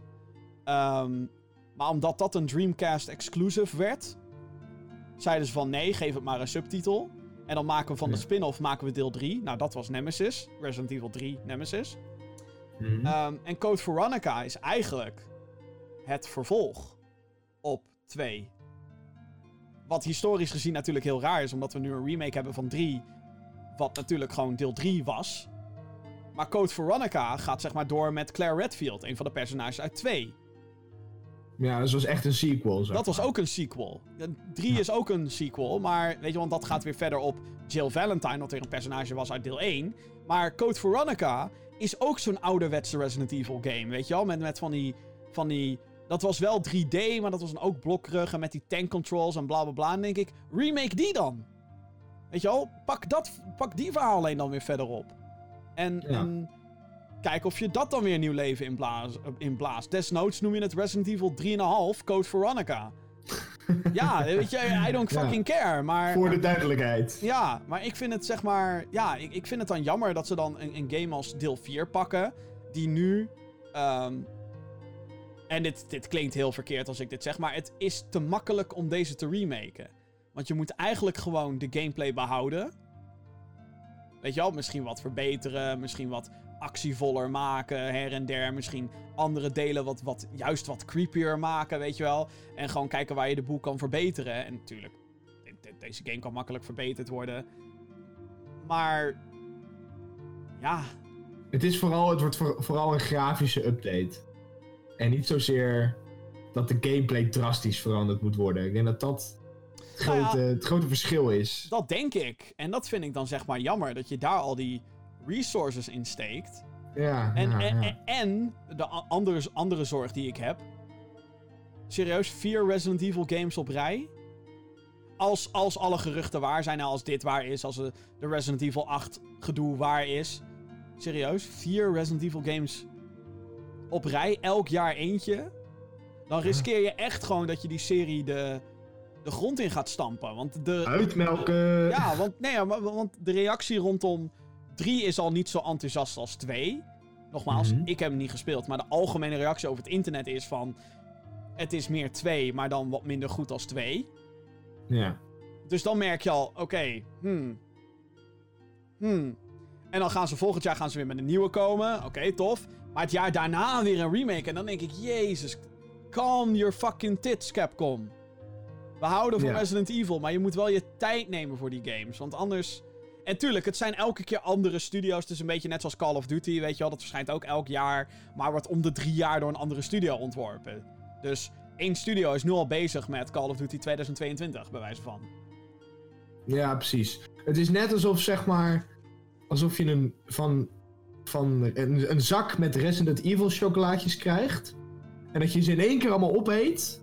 En dat je daardoor de waardering voor, voor één chocolaatje helemaal, helemaal kwijt bent. Ja, het is alsof je zeg maar elke dag uitgaat. Dan is het ook niet meer bijzonder om uit te gaan. Nee, precies. Dat je op vakantie gaat, elke maand, een week. Ja. En dat je op een gegeven moment zoiets hebt van, nou, ik heb eigenlijk helemaal geen zin om op Of vakantie eigenlijk te gaan. met, met pretpark hetzelfde. Ik bedoel, hoe leuk ik de Efteling of Disney ook blijf vinden. ehm, het- ja, de Python is natuurlijk niet zo bijzonder meer als als je er maar eens in de zoveel tijd ingaat. Eh, kortom, wat ik zeg is dat Resident Evil eigenlijk in quarantaine moet. Ja, precies. Ehm, en dit zeg ik omdat ik fan ben van de serie, weet je wel. Ik heb ook zoiets van, ik kan niet genoeg krijgen van deze shit, weet je, als ik, als ik deel 2 speel. Maar ja, elk jaar weer een nieuwe game. Ja, zelfs, zelfs een franchise als Call of Duty merkt dat het lastig... Kijk, Call of Duty lukt het dan elk jaar om weer nog succesvoller te zijn en bla bla bla. Hoewel dat ook een paar jaar natuurlijk een, Ja. bijna de mis in is gegaan. Ehm, maar ja, Assassin's Creed was ook op een gegeven moment gewoon een soort van... Ja, jongens, we zijn er nu wel echt klaar mee. Gewoon elk fucking jaar Assassin's Creed. Jezus. Ja, nu, precies. Nu, nu is Assassin's Creed er een jaar niet geweest. En ik denk dat ik daarom nu juist, juist weer zin heb in een nieuwe Assassin's Creed. ja, en- ja. Laten we eerlijk zijn, Resident Evil is geen Call of Duty. Het is geen Assassin's Creed. Het zijn hele... De goede... Eigenlijk is elk hoofddeel van Resident Evil een hele bijzondere game. Eh, Vanuit een bepaald opzicht. Ik bedoel, 4 is heel bijzonder omdat het de horrorserie weer nieuw leven in heeft geblazen met een meer actievol gevoel. Resident Evil 5 was meer co-op en probeerde een andere setting te introduceren. 6 was gewoon like... Iemand had kook gesnoven daar bij Capcom, dat was deel 6. En dan is, ja, en dan is deel 7 is weer van... Yo, PT meets Resident Evil. Eh, Dus het is... Ze zijn allemaal heel erg verschillend. Ja, elke game binnen de mainline franchise heeft wel wat. En Ja, ja. ja, ik heb gewoon zo'n idee dat als je nu elk jaar met een, met, met een game gaat komen. Kijk, Resident Evil 3 Remake. Hè? Ik, ik, ik heb het nu al 14 keer gezegd. Het is gewoon een soort Resident Evil 2. Wat logisch is. En dat past er ook bij. 2 en 3 spelen zich af in dezelfde stad. Bla bla bla. Dus tuurlijk, weet je wel. Tuurlijk, dan, dan is het logisch. Maar ik wil niet over twee jaar weer soort van een kloon krijgen van die twee games, maar dan in een Spaans dorpje. Als ze überhaupt Ja, dat verhaal precies. aanhouden. Wat ik wel Ja. hoop. Ik hoop wel dat ze die verhaallijnen een beetje... Ja, nou, dat denk ik sowieso wel. Ik denk dat ze wel... eh, Weet je, als ze dan zo'n game gaan remaken, dat ze niet er een totaal andere game van gaan maken. Nee, dat hoop ik. Dat hoop ik, dat hoop ik, dat hoop ik. Het zou wel heel, eh, heel raar zijn. Maar ja, nou dit. Ja, eh, ehm, ik Hm. vond dit opvallend nieuws. Ja. Dus eh, We gaan het zien. ja, Resident de, de officiële aankondiging eh, moet dus nog komen, maar ja. ehm, ik, Het zal denk, niet heel lang meer duren. ik denk wel dat dit waar is, namelijk. Ja. Dus, ja, nog meer Resident Evil. God, ik moet echt die shit gaan uitspelen. Cyberpunk 2077. Ja, ja.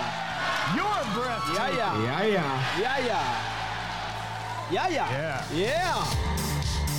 Eh, nieuws. Over een van de most anticipated games van 2020. De ontwikkelaars achter de aankomende RPG Cyberpunk 2077, CD Projekt Red, hebben aangegeven dat er ongeveer evenveel DLC gaat verschijnen voor die game als hun vorige titel, The Witcher 3 Wild Hunt. Die game kreeg twee grote expansions die naar verluidt tientallen uren gameplay toevoegen. Of de aankomende uitbreidingen voor Cyberpunk dezelfde prijs gaan hanteren, dat is nog onduidelijk.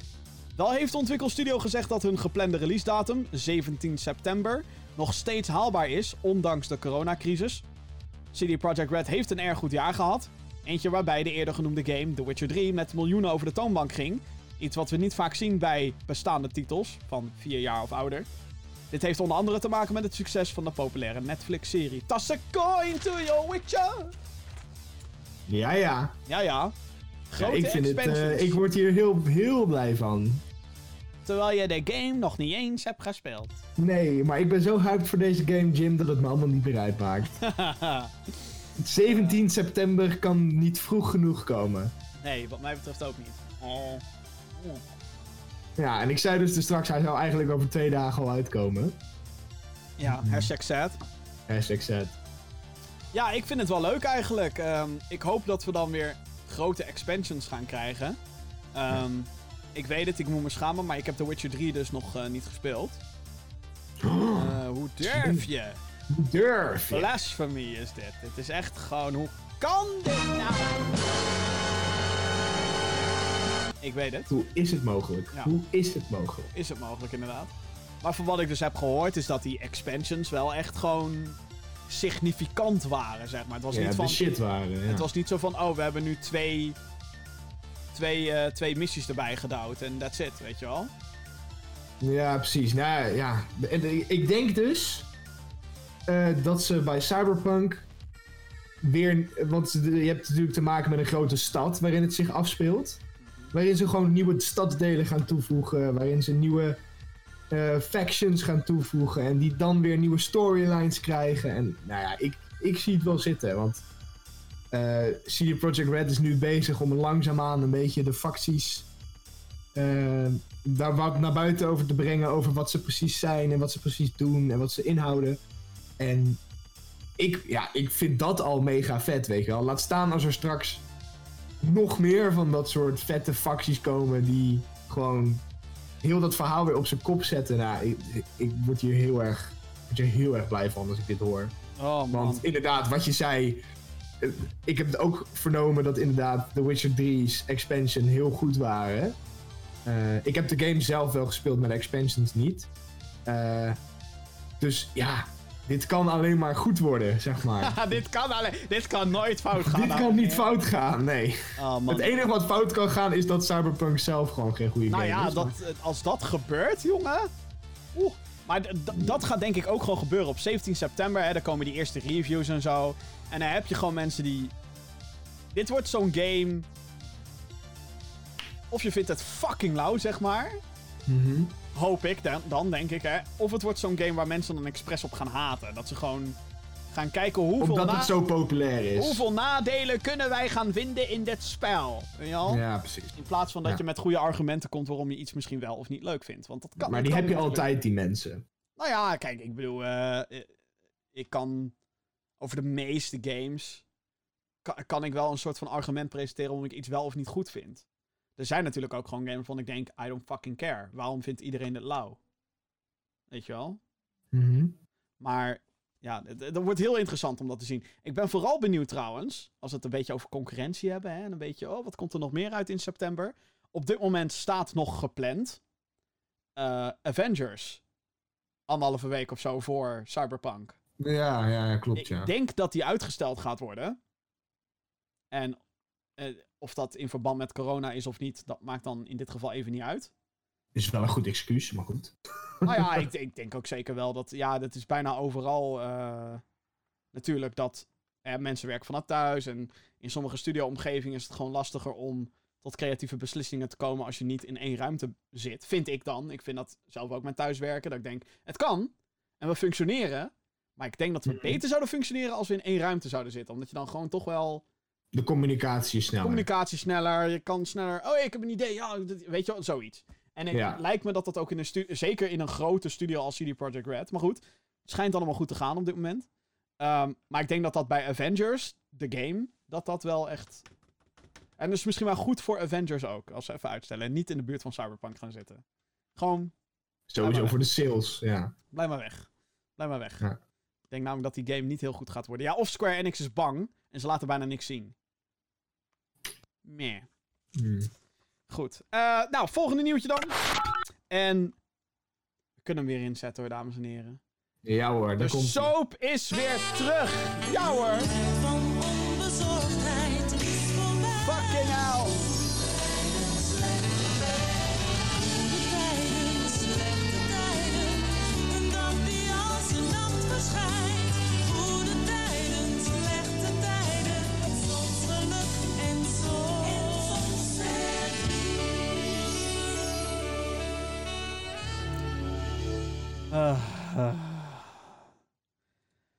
Het Google. is weer zover. eh, Google. Inderdaad. Het, Het heeft een paar weken geduurd, maar we zijn er weer. Het is weer zover. Eh, de gaming streamingdienst van Google, Stadia, is nu twee maanden gratis uit te proberen. Dat heeft het eh, te- techbedrijf deze week bekendgemaakt. Iedereen die wilt gaan spelen kan een account aanmaken en de titels die je bij een pro-abonnement krijgt gratis spelen. Het zijn onder andere racing game Grid, ritmespel Thumper en first-person shooter Destiny 2 The Collection. Wel moet erbij gezegd worden dat je dit alleen maar kan doen als je een abonnement afsluit, waardoor je je creditcardgegevens moet geven aan Google. Dan wordt je eerste bedrag dus vanaf juni afgeschreven als je nu registreert, want hey, je krijgt twee maanden gratis. Stadia kan wel positieve aandacht gebruiken. Sinds de release staat de dienst redelijk stil. Op dit moment zijn er slechts 38 games op te spelen. Hiermee is ook meteen de gratis versie of variant van Stadia gelanceerd. Je hoeft dus geen pro-abonnement meer te hebben om überhaupt iets te kunnen spelen. Je moet dan wel een game kopen, maar... Zwa. Google heeft ook aangekondigd dat zij in verband met de coronacrisis ook de bandbreedte gaan verminderen. Als gevolg hiervan is alle content tot en met een resolutie van 1080p te spelen. Nu was eh, het zo dat er enkel hogere resoluties bereikt konden worden met een Chromecast Ultra. Maar dat terzijde. Dus ja, ehm, ja, weet je, even voordat ik in een fucking rant... Oké. Jeppie. Oké, dus, Ja. dus lang verhaal kort. Je kan twee maanden gratis Pro... Google Stadia Pro. Je kan dan negen games spelen. Joepie. Die kan je dan claimen. Hartstikke leuk. ja. Ja. Eh couldn't care less. ja, nee, serieus, want Ja, nee, ja, ik snap je. Ja, ik snap je. ik zie nog steeds van Stadia de meerwaarde niet. Nee. Als in, Nee. als ik een, een PlayStation koop of een Xbox of een goede PC, dan kan je exact hetzelfde als wat je nu op, op Stadia kan, goedkoper. Ik, ehm ik kreeg hierover ook een persbericht van Google en ik dacht... Weet je, ik ga, ik, ik ga dit uitproberen. Vind ik leuk. En ja, je kan twee maanden die shit nu gratis uitproberen. En dan kan ik een keertje... Ik ben heel vaak negatief geweest over Stadia. Ehm, over hoe Google de boel aanpakt en bla bla bla. Dus Geef het een kans. ja, ik geef het de kans. Ik ga er gewoon eens induiken. Nou, mijn eerste obstakel kwam dus al. Met die fucking creditcard. Dat je dus je creditcardgegevens bij Google moet achterlaten. En dan je abonnement moet afzeggen voordat je die twee maanden gratis kan gebruiken.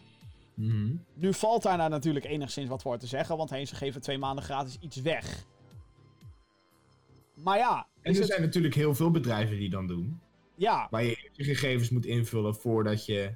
Hè, ja maar dan vind ik, ik vind dan wel dat er een verschil is tussen een account aanmaken, want dat, die- dat stadium, of Stadia, was ik al voorbij. Dus ik had een account aangemaakt, ik had mijn nickname eh, geregistreerd, ik had een avatar voor Stadia. Maar Mhm. het was alleen nog maar. Yo, we moeten je creditcard hebben, bitch. En dat is natuurlijk ook het verschil. Kijk, als ik mijn Ideal of zo, of mijn PayPal ergens invul, dan moet ik daar bemachtiging voor geven. Ja. Dat ze dat mogen. En in principe, als jij je creditcardgegevens geeft, dan kan iedereen daar zomaar mee betalen. Nou, dit is dus, dit is dus eh, dit is een argument die ik heel vaak gebruik bij het afzeiken van Stadia, by the way. Dit is waarschijnlijk iets wat je de komende 10 minuten nog vaker gaat horen. Google Ja. is een van de grootste en machtigste techbedrijven van planeet Aarde. Oké? Het is Google waar we het over hebben. Print dat even, mocht jij zeg maar iemand zijn die zoiets heeft van de aankomende 10 minuten van ah Jim, ja, eh, waarom ben je nou zo negatief over Stadia, bla bla bla bla. Print dit even in je fucking hersenen. Google. Oké? Het is Google. Google is fucking rijk, heeft oneindig veel geld en heeft oneindig veel resources. Ja. Stap 1. Waarom de fuck zit er geen PayPal of Ideal functie in? Waarom? Probeer daar nou eens een echt argument voor te verzinnen. Een echt argument. Geen bullshit van, ja, maar het is Google en Google wil graag dat je Google... Waarom wilt Google dat? Ja, macht. Dat is nog meer macht. Fuck jullie. Ik heb notabene op Google Stadia ingeschreven met een Gmail-adres. Hoeveel meer wil je van me weten? Hou op. ja, fu- fuck off, weet je. Fuck off. Waarom geen Ideal of PayPal? Je Het is, niet hebt alsof, mijn ziel al, Google. het is niet alsof dat obscure betalingsmiddelen zijn. Het, het is geen fucking bitcoin, oké? Eh, ik kan op de Nintendo eShop kan ik shit kopen met, eh, met Ideal of PayPal. Een van de twee. I don't fucking care. Op de fucking PlayStation Store kan het. Op de Microsoft Store kan het. Op Steam. Letterlijk elke concurrent die je hebt. Kan ik met Ideal of met PayPal betalen. Meerdere betalingsopties zijn er. En jullie komen alleen met fucking Google Pay. Wat alleen maar. wa- wa- Wat, eigenlijk gewoon inhoudt. Geef me je fucking creditcardgegevens. Bitch. Amazon doet dit ook, hè? Opdonderen. Kut Amazon. Het zijn echt die grote bedrijven die gewoon niet begrijpen dat het gewoon... Op, Niet iedereen een creditcard heeft. Gewoon fuck off. Bullshit. Oké. Dus ik was zeg maar daar overheen. Ik denk, oké, dus dat, dat pro uitproberen, dat kan ik niet. Weet je wel? Whatever. Vervolgens dacht ik, maar kan ik dan wel gewoon een game apart kopen? En ja, ik heb dan geen pro-subscription, maar als ik dan zo debiel ben om weet je wel, een game te kopen vanaf Stadia, zodat ik in ieder geval die dienst nu kan uitproberen. Want ik hoef geen fucking abonnement meer te hebben om überhaupt die dienst te komen. Ehm, ook weer alleen creditcard. Alleen fucking creditcard. Het is fucking bullshit. Ja. Maar dan zijn we er nog niet. Oh jee. Wat ik al zei, nou, maar dit is gewoon waarom Stadia fucked is. Fucked up the ass. En waarom ik niet snap waarom Google nu ineens denkt dat door deze actie Stadia ineens een fucking succes gaat worden. Stadia, serieus jongens, Stadia is de meest dramatische launch van een dienst die ik ooit heb meegemaakt.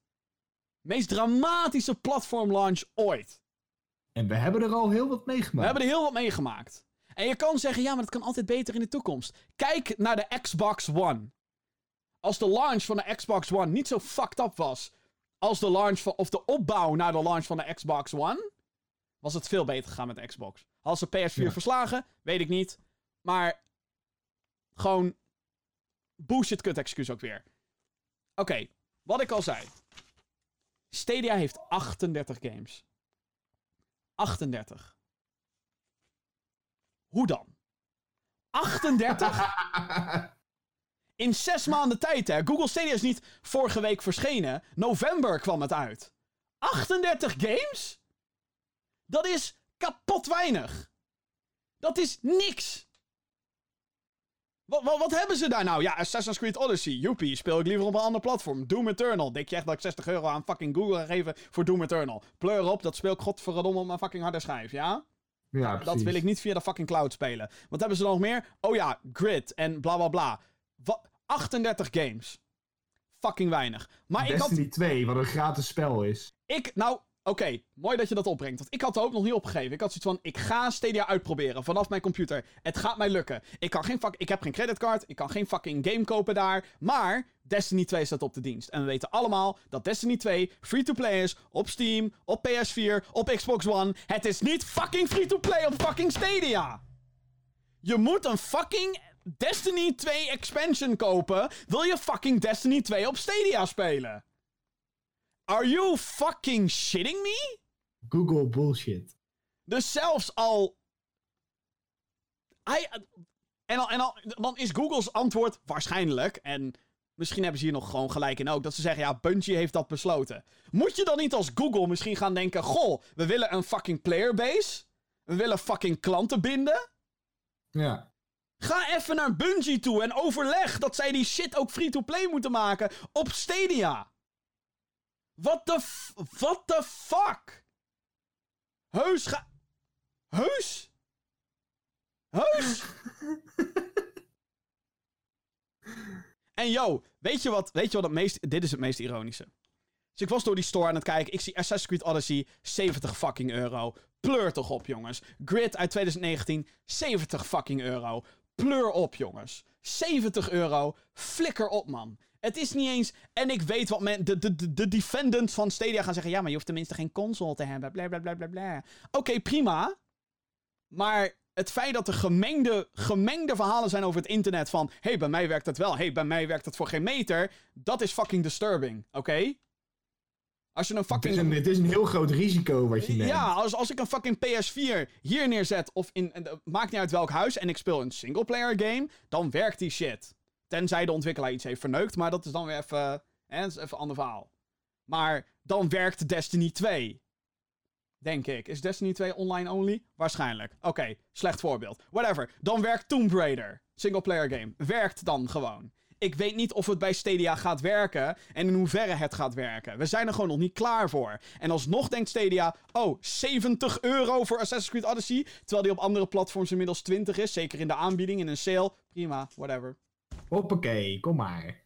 Geef ons je geld. Het is bullshit. En het meest ironische van dit alles, dames en heren, ik ging naar de Stadia Store, weet je wel. Stadia is een dienst van Google. Nogmaals, waar kennen wij Google van? Google gebruiken wij allemaal dagelijks als zoekmachine. Moet je raden wat er niet in de store aanwezig is van Stadia? er is geen fucking zoekbalk. Er is geen zoekfunctie in Stadia.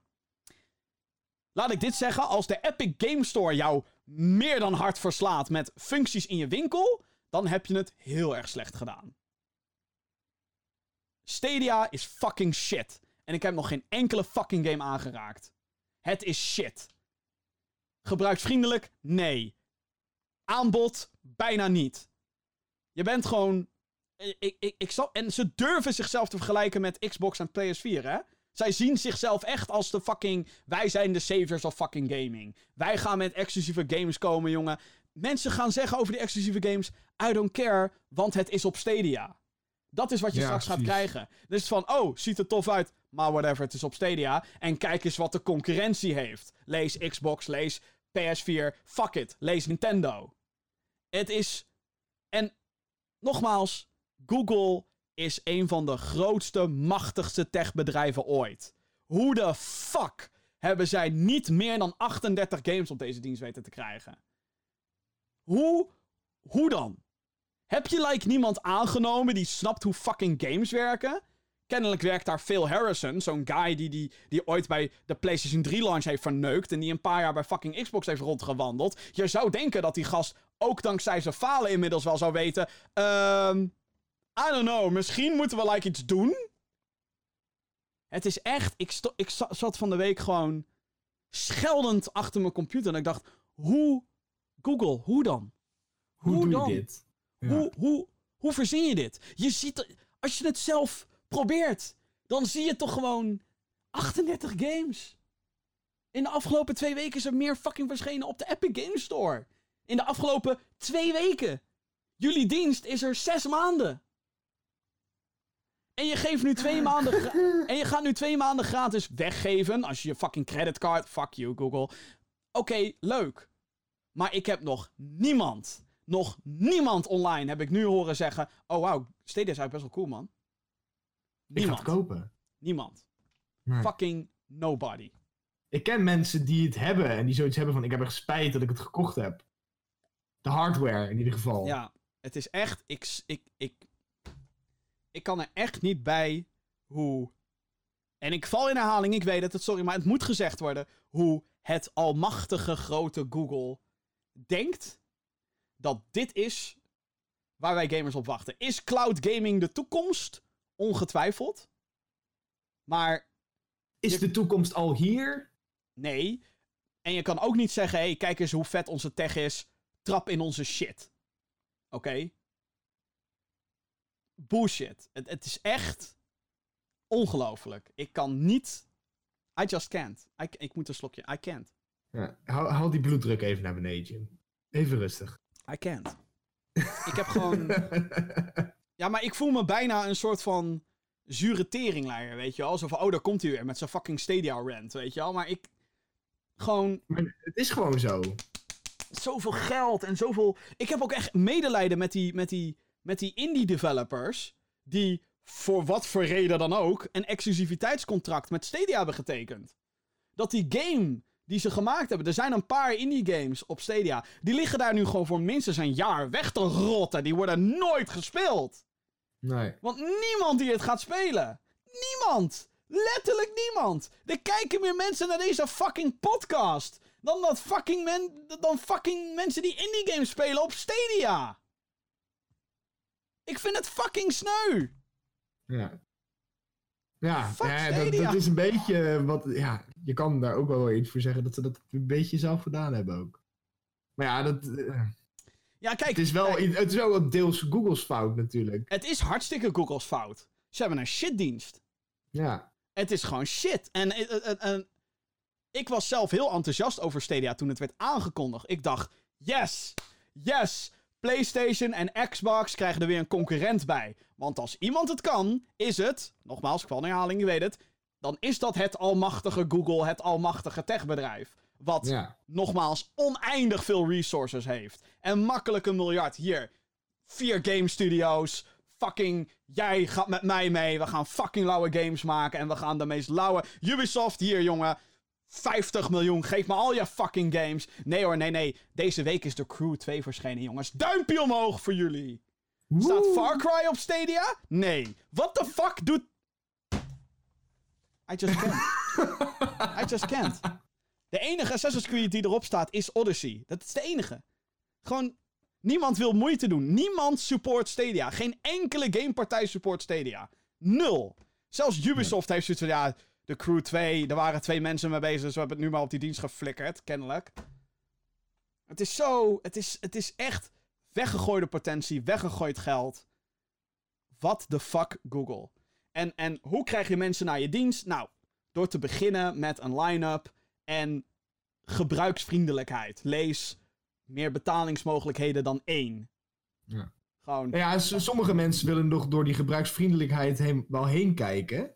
Ja. Maar de, de line-up is het ook gewoon niet waard. Nee, want dat is dus waar ik zeg maar fucking pissed off word. Dat ik denk, ik kan het al niet doen, want ik heb geen creditcard. Ik heb gewoon geen creditcard nodig, weet je al, op dit moment. Mhm. Weet je wel, in Nederland, ja, pff, waarom zou ik een creditcard nemen op dit moment? Dat Ja. is gewoon voor mij geen reden. Eh, dus waarom zou ik dat geld weggooien door dat aan een bank te geven? Oh, ik heb nu een creditcardpasje, joepie. Fuck off, weet je wel. Ik kan overal mijn PayPal of Ideal betalen. Overal behalve fucking Google Stadia. Fuck you, Google. Ehm, maar ja, ik... ik en, en, en dan ga ik zet mezelf dan over dat ding heen. Inderdaad, van oké, ik kan het niet, want ik heb geen creditcard. Nou, meneertje Jim met zijn fucking geen creditcard. En dan zie ik gewoon wat voor, voor trieste aanblik die, die Stadia Store is. En dan... Ja, nogmaals, ik kan er echt met mijn hoofd niet bij gewoon. Hoe... hoe. Ja. Dat. Ga het vooral uitproberen. Ik ben benieuwd naar je bevindingen. Als je bereid bent om je creditcardgegevens te geven aan Stadia, laat me dan vooral weten hoe het is. Ik en ben of het op- werkt. Nou, ik ben oprecht benieuwd. Ik ben op, dat, dat is het ding. Ik ben oprecht. Ik wil oprecht gewoon die game spelen. Maar zelfs dat. Ik was gewoon bereid om gewoon. Stadia hier, 30 euro. Geef me maar die fucking indie game die exclusive is. I don't care. Zelfs dat lukt me al niet. Dus ik zou graag de dienst willen afzeiken voor hoe het speelt. En hoe het niet lekker werkt. Maar, maar dat kan ik niet eens. En het feit dat ik nu al bijna een kwartier heb zitten renten op Stadia. Zonder ook maar één seconde een game op die dienst ooit gespeeld te hebben, zegt heel wat. Step your fucking game up, Stadia, or else it's game over.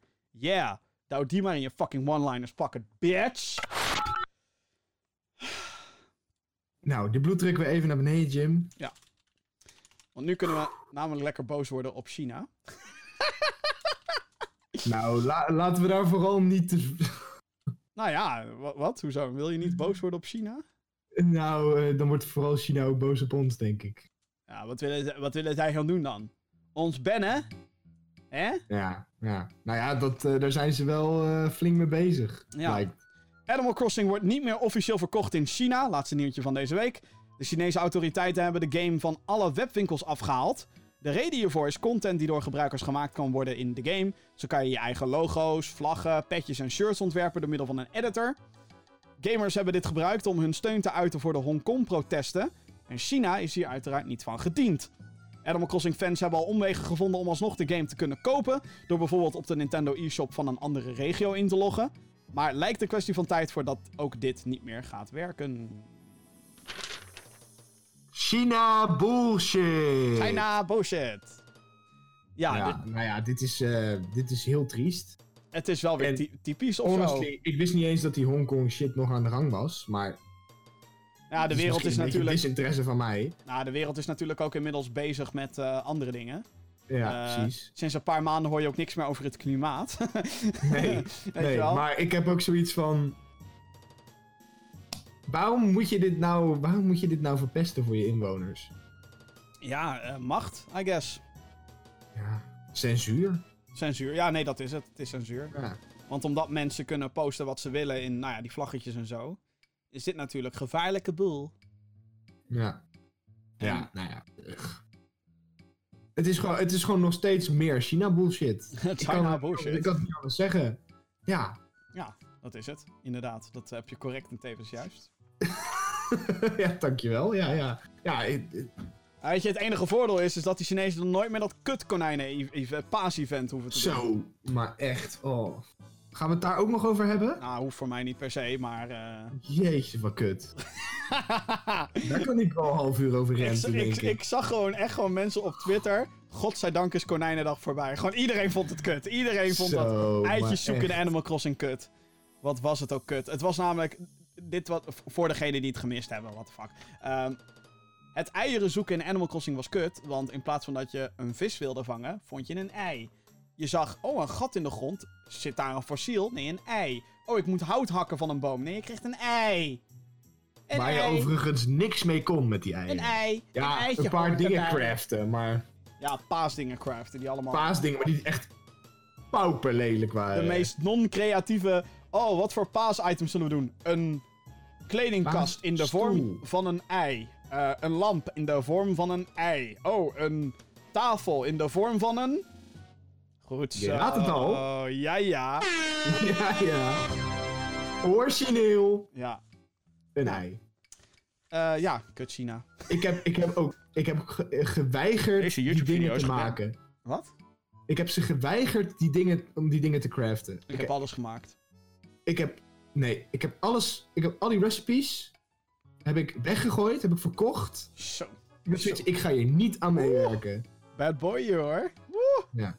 Ik was er helemaal Good klaar mee boy. op een gegeven moment. Ik dacht echt, anti- anti-paas is die nu. Zo, maar echt, ik was echt anti-bunny day. Anti... Hashtag anti-Bunny Day. Hashtag boycott bunny day. Oh god, oh wat erg. Ah, nou, eh, tot zover dames en heren het nieuws van deze week. Heb jij een vraag voor de show? Mail naar podcast.gamergeeks.nl Dat we ooit nog op dit moment kunnen aankomen, zeg. Dat- Na de mail. Het, het leek nooit te komen. Het- het- nooit. Het houdt niet Het op. was alleen maar... Het was één bak negativiteit en eh, ja. Ja, Nou, en ook wat positief natuurlijk. De DualShock en Cyberpunk. ja. Ja, ja, nee, dat is heel leuk nieuws, dames en heren. Leuk. Ja. Oh, we Anyway, er. eh, we hebben een mailtje, dames en heren, van the one and only. Daar is hij weer, hoor. Ja hoor. Helly de Helminator.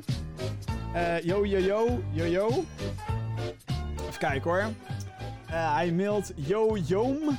Yo, meneer Gamergeeks en stagiair koffiehaler.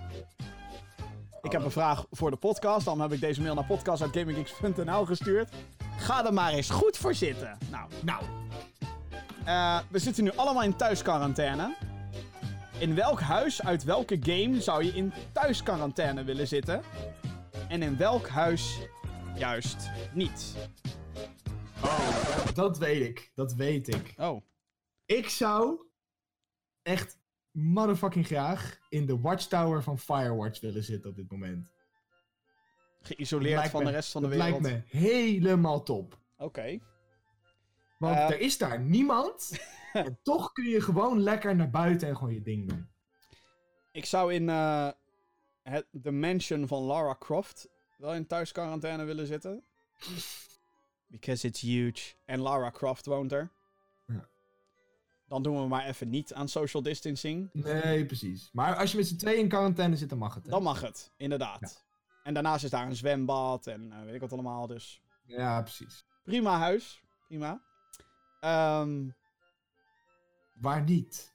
niet. eh, shit, ik had net een hele goeie en toen, nu ben ik hem kwijt. Ehm, Luigi's Mansion. eh, nee, eh, de Spencer Mansion van Resident Evil 1. oh ja.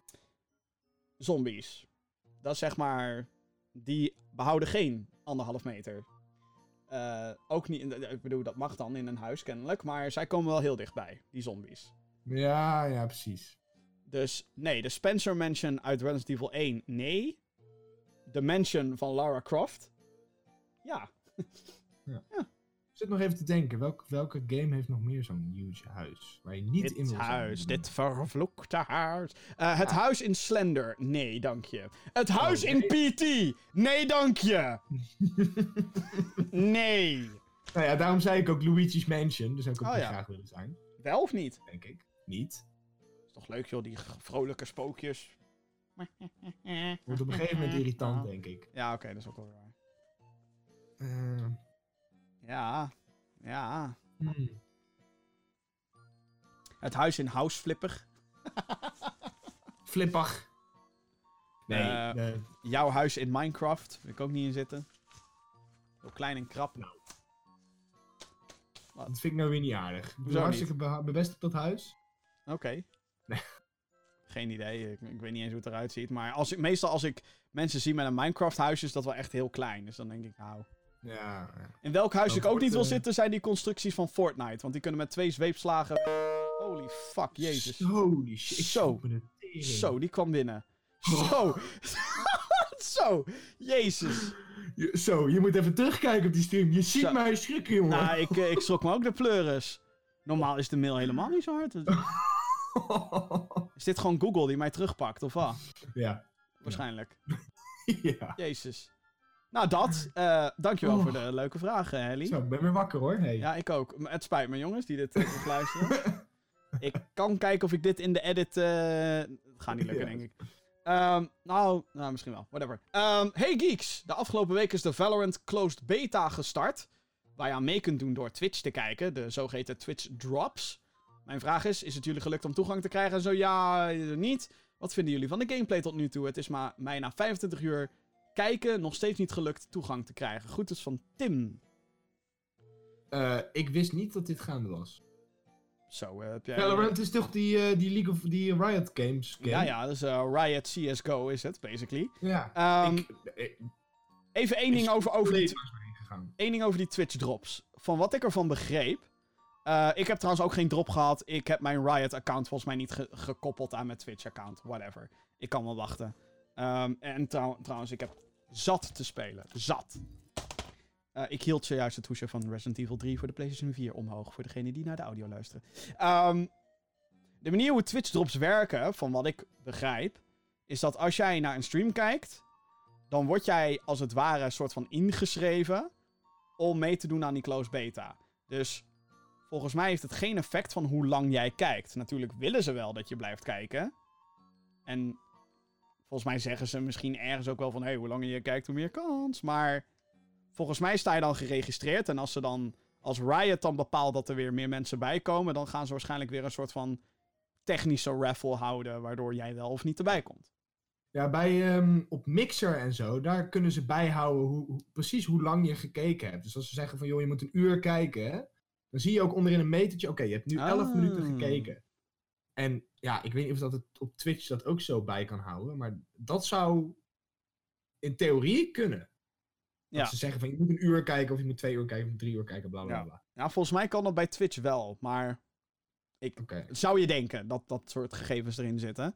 Want Ja. ik weet wel dat ik na elke stream kan zien... Oh nee, weet ik niet. Ik kan alleen... Ik weet niet. Gemiddelde kijkt... Moet wel. Moet wel. Ja, nou, als streamer zijn, dan kun je het wel, wel Ja. zien waarschijnlijk, maar maar dat betekent dus dat als gebruiker ook kan zien. Nou, maar dat, nou ja, als gebruiker kan je dat waarschijnlijk niet zien, omdat dat iets te veel informatie is. Denk ik. Mhm. Maar die data wordt natuurlijk wel opgeslagen. Het zou fucking dom Ja, zijn als ze dat niet weten. zouden doen. Ja. Dan, eh, dat. Maar ehm, jij hebt dus helemaal niks gezien van die game. Dus jij weet ook niet echt wat, wat de gameplay is en zo. Ik eh, moet zo meteen maar even gaan googlen, denk ik. Want eh Weet je. googlen. nou ja, ik vind het wel heel erg... Ik vind het iets te veel op Counter-Strike lijken, als ik heel eerlijk ben. Het lijkt alsof de, de... uh, want het is een soort van Counter-Strike, maar dan meets Overwatch. Zo ziet het er een beetje uit. Deze Mhm. shooter. Eh, het is ook weer 5 tegen 5. En eh, ik vind het level design heel saai. Ik vind het zeg maar heel erg... eh, er blijft een mailtje binnenkomen, hallo. Ehm, ik vind het level design heel saai. Het is heel statisch. Het is heel erg... Oh, dit hoekje, weet je wel, daar, daar kan je snipen. En in, eh, als je daar loopt en er is daar een sniper, ben je dood. En gewoon van dat soort regeltjes zitten erin. En de, de abilities zijn nu meer een soort van... Weet je, je hebt dan geen smoke grenade, zoals in Counter-Strike. Ja. Maar dan heb je een ability, wat, een smoke, wat in feite een, dient als een smoke grenade. Ja. Weet je wel? En zo, zo werkt dat een beetje. En natuurlijk zijn er dan wel wat gekkere abilities, zoals eh één iemand kan double jumpen. En dat is dan in zo'n game wel ineens een groot verschil. En een andere die heeft bijvoorbeeld, ehm, die kan ijs op de vloer leggen. Wat ik wel tof vind. Een stukje vloer. Als je daar nou over, overheen loopt, is dat extra luid. Hoor je krik, krik. Dat vind ik dan wel tof, zeg maar. Oh, oh, dan, natuurlijk. dan is dat ook meteen audiodesign. Dus dat is dan wel leuk. Ja. Ehm, en je hebt zo'n zeggen, soort... het ziet er ook wel uit als Counter-Strike, inderdaad. Ja, en, en het is ook een beetje... Designs. Er zit ook zo'n ability in van Hanzo uit, eh, uit Overwatch. Dat je zo'n pijl schiet en dat dat dan een omgeving laat zien waar de vijanden zijn als die in die omgeving staan. Ja. Maar het is een beetje, ja, het is al heel erg Counter-Strike. Ook hoe snel je doodgaat, de wapens, er is een koopfase en het is eh plantenbom en dat heet dan nu een spike. Eh, het is een beetje, ik weet, ik moet het natuurlijk spelen. Ik, ik wil het wel spelen, want ik heb heel lang Counter-Strike gespeeld, maar dat is echt jaren geleden.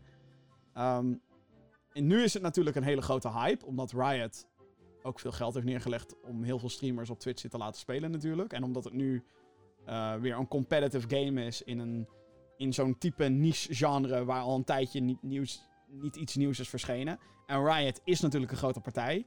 Maar ik vraag me wel echt af of dit in de long run Hmm. een succes gaat zijn. Ik weet ik moet nog even iets, iets anders doen of zo. Ja, ik, ik, ik ben Waarom zou je dit spelen boven CS? Ja, ik ben, ik, ben, ik ben bang dat het nu gewoon. ehm,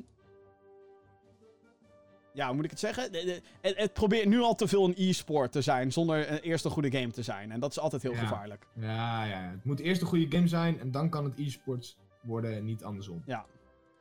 Even kijken Ja, hoor. Ik snap het. Ehm, hey Gamergeeks.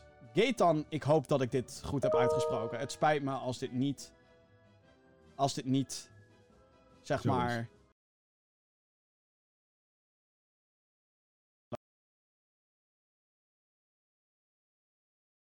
Audio, audio, zijn we er weer? We zijn er weer, hallo. Ja, we zijn er weer. We zijn er weer, sorry. Oh. Mijn audio viel even uit, ik weet niet waarom. Alles, alles gaat stuk hier. Dit is waarschijnlijk omdat ik nu een naam heel erg ga. Hij zei, Ga- oh nee, stop maar. Ik zet je audio uit. Ja, die, dat was meteen Google, die, die, die, kwam weer, die kwam er weer bij. Die dacht, zoek het lekker uit. Ja. Eh, anyway, Oh, ik, ik ga het even uit... Godsamme, jezus. Ehm, ik ga het even uitspreken als Gaetan. Nogmaals, sorry als ik eh, dit heb verkracht. Ik ben een grote Nintendo-fan. Ik speel zowat alle games die ze uitbrengen en niks anders. Nu we in lockdown zitten, is er natuurlijk genoeg tijd om te gamen. Maar voor mij en veel andere Nintendo-fans is dit echter niet zo. Als je naar de line-up van Nintendo in 2020 kijkt, dan is er bijna niks. Alleen eh, Xenoblade komt, wat overigens een remake of een re-release is. En wat dan? Normaal hebben ze al in games in deze tijd van het jaar al aangekondigd. Wat denken jullie hierover? Komt het door het coronavirus of niet? Eh, wat denken jullie dat dit dit jaar nog uitkomt? Ik denk dat ze gewoon helemaal niks hebben. Want anders hadden ze het al wel aangekondigd. Ehm, ik denk dat zij een aparte strategie hebben als het gaat om aankondigingen. Ze moeten wel wat hebben. Ehm, ze hebben nog Metroid Prime 4 een ontwikkeling. En ze hebben nog Metroid Prime Trilogy de re-release. Er zijn inmiddels zoveel geruchten over geweest dat ik 100% zeker weet dat die ergens ligt. Daar bij Nintendo gewoon klaar om op een Switch cartridge geplakt te worden en hup, ship it. Waarschijnlijk wachten ze daarmee totdat Metroid Prime 4 iets. Hè, ehm, ja, hoe noem je dat? Iets, iets eh, concreter is, laat ik het zo zeggen. Eh, dus dat. Ehm, en ik denk niet dat het eh, door de coronacrisis komt. Omdat dit. Ik denk wel dat ze nu voorzichtiger zijn met dingen aankondigen op dit moment. Dat ze zeg maar ook gaan kijken hoe gaan we dat in godsnaam doen met fysieke dingen. Want het, daar is waar nu. eh, kijk, weet je, als je een game digitaal wil releasen, dan is er niet heel veel aan de hand. Maar wil je iets fysiek uitbrengen, dan zijn er problemen. Dat is ook de reden waarom The Last of Us Part 2 is uitgesteld. Onder andere. En waarom er denk ik nog meer uitstel gaat komen. Dat heeft meer te maken dan alleen maar de ontwikkeling zelf. En ja, als Nintendo een game gaat uitbrengen zonder Switch cartridge, is dat natuurlijk heel gek. Als we het hebben over een grote games. Eh, ja, precies. De AAA Nintendo titels die komen eigenlijk altijd wel ja. op een cartridge ook uit. Ja, ja, ja, sowieso. Ja, behalve als het inderdaad een kleinere game is. Zoals eh, ze hebben dat. eh, Good Job hebben ze bijvoorbeeld volgens mij gepublished ook. Maar dat is een indie game, weet je, op de e-shop 20 euro heb gaan. Ja, maar die hebben ze niet ontwikkeld zelf. Nee, nee, nee, nee, oké. Het is maar, geen AAA-titel.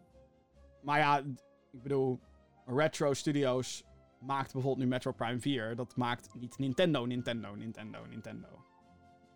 Dus ja. Ik denk dat het daarmee te maken heeft. Ik denk niet dat het. eh, ik, denk ook dat ze het iets trager willen opbouwen allemaal. Ook in verband met wat er aan de hand was met E3 of wat er is eh, aan de hand is met E3. Zeker nu wel met dat corona gebeuren. Je moet nu natuurlijk veel beter gaan kijken. Hoe gaan we dingen positioneren? Wanneer willen we de persmomentjes hebben? Is dit geschikt? Is dit ethisch om te doen? Blablabla. Daar moet je nu allemaal rekening mee gaan houden. En dat ja, is, eh, precies. ja, Een dat. beetje voorzichtig zijn. zo, we moeten volgens mij eh, eh, sneller door die mail zijn, man. Jezus. Ehm, eh, ik heb twee vragen. Welke game vinden jullie echt stom? En de tweede is, welke game hoop je dat wordt verbeteren? Jullie zijn tof. Wordt verbeterd. Dankjewel, Robert. Ehm, Welke game vind ik echt stom? Animal Crossing. Ik speel het alleen elke fucking dag. ik, vind, eh, ja, ik vind Fortnite heel stom. Nou ja. Ja. Maar heel veel mensen vinden dat fantastisch. Dus ja, ja. who, who am I to judge, weet je wel. Eh, welke game hoop je dat wordt verbeterd? Eh, Call of Duty. Ik vind Call of Duty eigenlijk Animal Crossing. Oh, ja, ook. Animal Crossing. ja. Ik wil graag gewoon meerdere fishbait achter elkaar willen craften. Nintendo. Kunnen we niet, eh, kunnen we niet, eh, kunnen we niet een hardware of een dienst hier ook invullen? Google Stadia. Google Stadia is stom. Oké? Echt nee, stom. Google Stadia moet verbeterd worden. Allebei. Dat. Ehm, even kijken hoor. Always Nick die vraagt over de Mario remasters. Daar hebben we het eigenlijk vorige week al. Eh, Maar wat wil die weten? Nou ja, wat vinden jullie van de Mario geruchten remasters? Bla, bla, Wij zijn hyped. Wij zijn hyped. Voor degenen die het gemist hebben, vorige week. eh, er is een grote leak gerucht gaande. Ehm, wat ook weer iedereen heeft gerepost, waardoor het waarschijnlijk waar is. Ehm, dat is, houdt in dat er een collectie komt van Super Mario 64, Super Mario Sunshine en Super Mario Galaxy. Er komt een nieuwe Paper Mario game. En er komt een deluxe versie leesport van Super Mario 3D World. Zin in. Ja, nou, eh, volgens mij hebben we daar al alles over gezegd wat we konden zeggen in de vorige aflevering. Hype, Hype? leuk. En vinden jullie dat ze weer full price 60 euro mogen vragen? Ja, mogen. Nintendo doet het toch wel. En ze verdienen er pakken met geld mee. Ik zou zeggen, als het, als het dus een collection wordt van Sunshine, Galaxy en 64, die drie bij elkaar zou ik gewoon lekker 60 euro maken. Of 80, dat zou ik ook nog wel meer voor, voor neerleggen. Maar veel meer dan dat denk ik niet. Ehm, en ja, als het eh, 3, 3D World en eh wat was die andere nou? Was er nog eentje? Vergeet ik, het, of was dat het? Wat? Galaxy? Wat? Nee, Ga- ja, Galaxy, Galaxy 64 en Sunshine, dat worden remasters. Ja, dat wordt dan in één collectie van 60 euro. Eén collectie, ja. En dan heb je 3D World. En was 60 er euro. nog één? Paper, een, een nieuwe Paper Mario Oh, game. nieuwe Paper Mario. En nieuwe Paper Mario wordt sowieso 60 euro. En 3D, 3D World wordt, als dat gepoord wordt vanaf de Wii U, was Ja, dat? ja. Eh, die wordt ook 60 euro. Ja, want Super Mario Bros. U was ook 60 euro. Ja. En staat volgens mij in de top 10 best verkochte Switch games. Dus Nintendo heeft zoiets van... Haha! En, eh, caching. En, en Mario Kart ook natuurlijk. ja, ook. Mario Kart Goed. 8. Ja, inderdaad. Eh, Donkey Kong Country Tropical Freeze. Is ook gewoon 60 euro. Heb ik ook met liefde betaald voor die game. Want die is namelijk heel erg goed. Ja. Ja. Eh... Nas Radian heeft gemaild... Hey Geek, liever een geit wippen en niemand weet het... of geen geit wippen, maar iedereen denkt het? Dit is een retorische vraag, dit. De kogel is mijn antwoord. Eh Sector Core die heeft gemaild... Waarom gaat Habbo nu zo hard? Dat kan ik in één woord omschrijven. Corona. Verveling. Eh, hey Geek, laat de ander even uitpraten. Je praat te veel, puntje, puntje, puntje. Welkom bij de Gamer Geeks podcast. Ja, we Vinden jullie de- nooit uitpraten. Vinden jullie de play... Ik ga nu even langs al die vragen heen. Vinden jullie Ja. de PlayStation 4 controller plasticer met een K dan de Xbox One? Dit is zeg maar... Plasticker. Dus zeg maar dat we... de- dat, ik denk dat u bedoelt goedkoper voelen. Ik vind van niet, maar... Nee, dat Kijk, ook van. de Xbox One controller is ook een hoop plastic. Dus ik zie, zie daar... zo- Jezus Christus.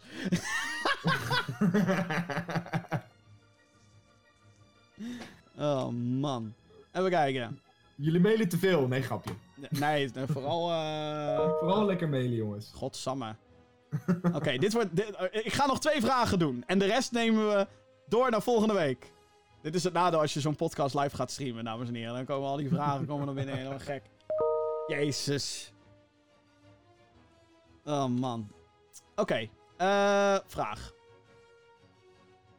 Eh, la. Beste Gaming Geeks. Ik kan haast niet wachten totdat de Xenoblade Chronicles Definitive Edition uitkomt. Ben volgens mij een van de drie. Eh, naar mijn mening was de originele Xenoblade Chronicles de beste RPG van de generatie van de Wii. Misschien zelfs de beste RPG ooit gemaakt. Oh, sorry. Dat is wel Sorry. een eh, statement die Sorry. je dat maakt. Ik heb twee vragen. Hebben jullie Xenoblade Chronicles gespeeld? Zo ja, wat vonden jullie ervan? Nee. Nee. Oké. Volgende vraag. Wat is jullie favoriete RPG? Oeh. Dat was een beetje van olé. Olé. Wat is mijn favoriete RPG? Jeetje. Zeg gewoon The Witcher 3, daar zijn we al kla- klaar mee. Ja, ja. Het is wel een goed antwoord. Eh, Ik denk... eh, ik word helemaal, ik ben helemaal lijf, jongen, voor dit soort lange show. jij bent, jij bent melig- totaal niet De meligheid is toegeslagen, dames en Ja, ja, hij is er klaar mee. Hij is gaar. Jim is gaar. Jim is... heren. Ik heb te veel geraged op Stadia. De bloeddruk, zie je? Het is toch die oh, bloeddruk. man. hey, mijn favoriete... Nou, Ja, je favoriete RPG? jeetje. Ik vind het heel moeilijk. Hmm. Ik eh, denk dat ik gewoon Diablo 2 zeg. Dat is echt een van de beste games ooit gemaakt. Eh, en dat is een RPG toevallig. Dus eh, ja. Jeppie denkt na. Ik weet het even zo niet. Ik, Ja, Jeppie denkt na. hij er, gaat er, veel door, er gaat er veel door mijn hoofd. Eh, ik, ik heb heel... Maar ik heb zoveel... ik heb heel Fallout veel goeie- 76, dames en heren. Nee. Zijn favoriete online RPG. MMO, World of Warcraft, Absoluut classic niet. shit. Alhoewel ik Fallout 4 wel heel leuk vond. Ja, het was een leuke inderdaad. Maar mijn favoriete, nee, ik heb niet echt één favoriete. Ja, oké, nou, The Witcher 3. Boeien. Ja. Kan mij het schelen. Kijk, eh, Barty heeft Ik gemaild hoe denken jullie hoe de PlayStation 5 eruit gaat zien? Nou, ik denk wit met zwart. Ja. En in de, in de ik, ik denk ook in, in een, de, de vorm van een Romeinse 5. Zoals die Dev Kits. Ja, zoals die Dev Kit, ja. Ik denk dat die vorm er wel in blijft op een of andere manier. Zou heel goed kunnen, ja. Ik hoop het eigenlijk niet, want dat zag er best wel slecht uit. Maar goed, een Dev Kit. Dev Kits kunnen er heel anders uitzien dan het uiteindelijke product. Ja, precies. Maar ik de- vond, ik vond het idee wel vet. Oké, ja, heel veel mensen vonden het echt spuuglelijk. Maar dat was natuurlijk geen afgemaakt design. Ja, ik hoop gewoon dat we voor een slikke, toffe box gaan die er tof uitziet als je ernaar kijkt. Ja. Maar niet dusdanig opvalt. Want het blijft zeg maar een ding wat je gewoon onder je televisie zet. En dat mag daar gewoon lekker blijven. ja, precies. Dan heb ik ook wel iets tegen het design van Xbox Series X. Want dat is een beetje... eh, Ja, ik snap het design wel. En het is niet zo groot als dat ik eerst dacht. Het is niet een hele PC-toren of zo. Het is best klein eigenlijk. Mhm. Maar het is toch... Het kan dan weer net niet onder je tele... Je kan hem trouwens ook zijwaarts zetten, die Xbox Series X. Maar dat lijkt me er dan ook weer raar uit. hij, is, hij is veel meer aanwezig. Ja. Ja. Dat is waarschijnlijk ook de bedoeling van Xbox natuurlijk, maar... Holy shit. Eh, even kijken. Laatste mailtje van vandaag. Hey, denken je... Dit is van Servando. Hallo Servando. Hallo. Denken jullie dat er een kans bestaat dat er betaalde DLC komt in Animal Crossing? Of denken jullie dat Dat- alles gratis blijft? Nee, dat denk ik sowieso. Sowieso dat hij er gaat komen. Ja? Dat denk ik, eh, dat weet ik bijna 100% zeker, want deze game verkoopt zo goed. Ze zouden er eigenlijk een, ze zouden er eigenlijk niet slecht aan doen aan zichzelf om hier geen betaalde DLC van voor te maken, want dit verkoopt sowieso. Dat is gegarandeerd. Als er een Animal Crossing DLC koopt, ik ga, ik weet nu al, ik weet, het maakt niet uit wat het is. Nee, Ik ga het kopen. Ja. Want ik wil het hebben. Weet je wel? same. Ja. Ik wil de optie om. Ik, ik, ik weet niet. Wat zou er überhaupt voor paid DLC Ik heb kunnen een komen? theorie. Ja, jij, jij dacht een, een stad toch of zo? Zeker. In de Wii-game had je... Dat was Let's Go City, City Folk, whatever. Let's go to the city, iets in die trant. Ik denk, het lijkt mij tof althans... In het huidige design is het vooral eilandleven... Hè, Expeditie Robinson, bla bla bla. Wat nou als je naar een stad kon vliegen... Hè, waar je met spelers ook bij elkaar kan komen... met grote warenhuizen, met nog meer designs... en nog meer gekke chillplekken... en, weet ik veel, een sportcentrum... en een en een, een, een coffeeshop, als in koffie drinken. Niet per se. Nou ja, misschien dat. andere Ja, waar je dan ook weer exclusieve items kan kopen. Exact, ja. En een warenhuis, weet je wel. Echt een, een Tom Nook warenhuis met oh my god, weet je wel. En daar zitten dan allemaal gekke personages uit de, de, Animal Crossing serie zitten daar. Ik heb daar niet genoeg verstand van om te weten wat dat is. Maar dan kan je daar ook naar KK Slider concerten toe en weet ik wat allemaal en dat soort shit. Ja, en exclusieve villagers. Exact. Exact. Of zo. Exact, dat Ja. zit er allemaal daar. En gekke fruitsoorten en gekke, weet ik veel, andere items. Van, oh ja, oeh. En daar moet je dan natuurlijk zo'n City Pass voor hebben of zo. En dat, misschien gaat het wel zo heten ook, de, de Animal Crossing City Pass. Kost 30 euro. ja, Ja, zoiets. wel. Ja. Nou, dat zie ik wel gebeuren. En ik ga het kopen. Ja. Nintendo, take my fucking money. Ik ook. Nintendo bullshit. Verbeter je fucking online. Ja. How about that? Ik denk wel dat er wel wat gratis dingetjes toegevoegd gaan worden. Maar dat ze... Zoals die, zoals die kut-eieren.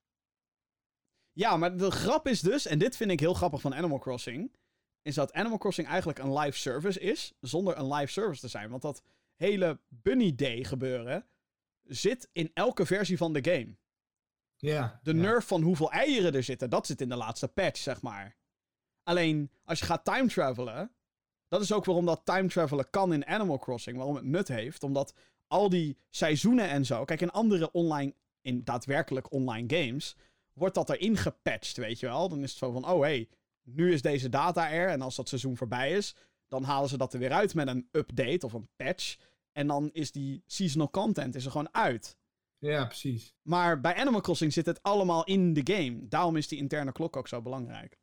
Ja. Vond ik grappig om mee te delen. De Animal Crossing was eigenlijk misschien wel de eerste live service game. Of althans, Nou een van de dat- eerste ja, voorbeelden Wel, ja. van een live service game, maar dan zonder een online verbinding. Wat heel grappig is. Maar de klok van je console, wat dan in dit geval alles bepaalt. Oké. ehm, wil jij nog een minigamepje doen of zeg je, ik ben er klaar mee? Eerlijk Nou ja, gezien de lengte van de show. van de show en jouw meligheid, Doen. doen, we, doen we daar goed aan Om? om dat te doen. Om het wel te doen, juist. Even een, even een Gamer Geeks Mailbox referendum. minigame. Oh, wacht. eh, Oh. wacht, ja. Mailbox Oh. minigame. Mailbox minigame, dames en heren. Ja. Geen Eh, referendum, we gaan het gewoon doen. Geen verrennen. We zijn met z'n Nee, tweeën. ik, ik zei een Gamer Geeks referendum. jongens. Oh. Ja, maar wil je nou wel dat... Ja, we hebben nu de jingle ingestart. Hoe Oké. Ja, nee, we gaan het gewoon doen. Boeien. Mailbox minigame, dames en heren. Als je iets, eh, een idee hebt voor een, een, een grappig spelletje. Wel niet. Eh, vorige week hadden we een nieuwe variatie hierop. Namelijk... Gamingmuziek. Ik heb twee nieuwe mailtjes hierover gekregen. Maar we gaan er één doen in verband met de tijd. Ja. Dus, de vraag van deze minigame is... Welke van de twee muziekjes vinden wij leuker dan de ander? Let's go. We moeten kiezen. Nou, de eerste gaat meteen over... Ik merk dat mijn stem helemaal naar de klote gaat met zo'n lange show. De eerste is eh, een Resident Evil ehm, dingetje. Eh, we moeten kiezen tussen deze. Wel bekend. Dit is de Safe Room uit Resident Evil 1, de remake. Hier heb ik veel herinneringen aan, jongen. Oh. Ik was zo blij als ik dit muziekje hoorde, want dan wist ik dat ik veilig was. Ja. Eh, dan gaan we meteen naar eh, de tweede keuze. Dit is de Resident Evil 2 Safe Room. Maar dan wel van de originele versie. Niet van de remake.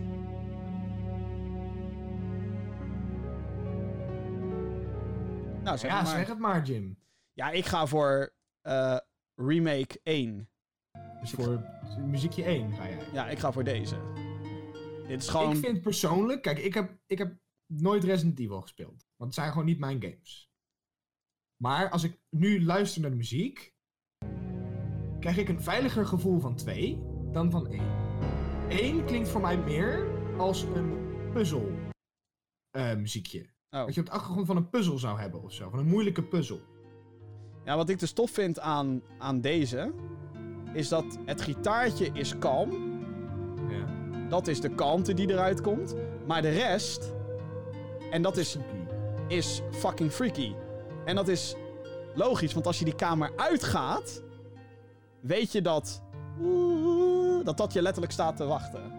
Ja. De wanhoop, de, de angst. Nou goed, dat vind ik heel tof aan die. Ja. Goed. Eh, ik zei dat we dit snel gingen doen, hè? Ja, snel. Snel. Kom op, rapid fire. De rapid volgende. fire. Eh, deze. Nou, weet allemaal waar dit natuurlijk naar leidt.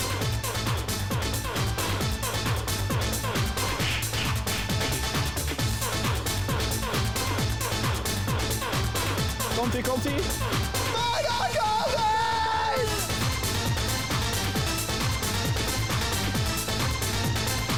Ja, ja. Deze podcast is naar beneden gehaald vanwege auteursrechten schending. Oké, ehm versus deze. What the fuck, dit is dezelfde. Oh. Oh jee, hij heeft de verkeerde linkjes bijgezet. Wacht even, dat ga ik even snel fixen. Overigens, ehm, moet ik er wel een kanttekening bij maken meteen al. Want de, de Mortal Kombat tune, deze, wat fantastisch is, by the way. En ook inmiddels bekend staat als de Mortal Kombat tune. Maar het is eigenlijk van de film. het, is niet eens van, het is niet eens van de game. Oh, wat erg. Nou, andere keuze.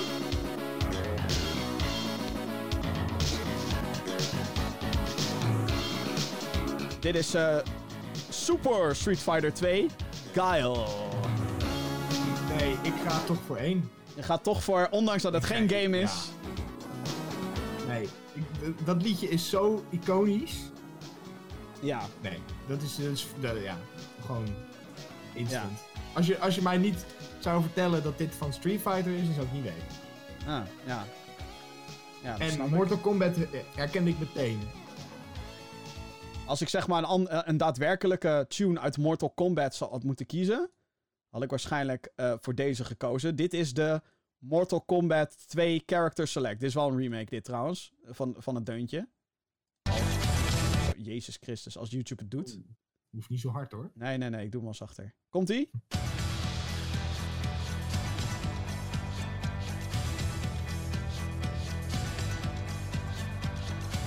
Ja, ook goeie. Dit komt daadwerkelijk uit de game, zeg maar. Maar goed, whatever. Eh, next. Eh, deze. Super, Ja, dit, is ook, eh, dit is ook weer zo'n klassieker. Super Mario Brothers Level 1-1 of Overworld Theme. Versus.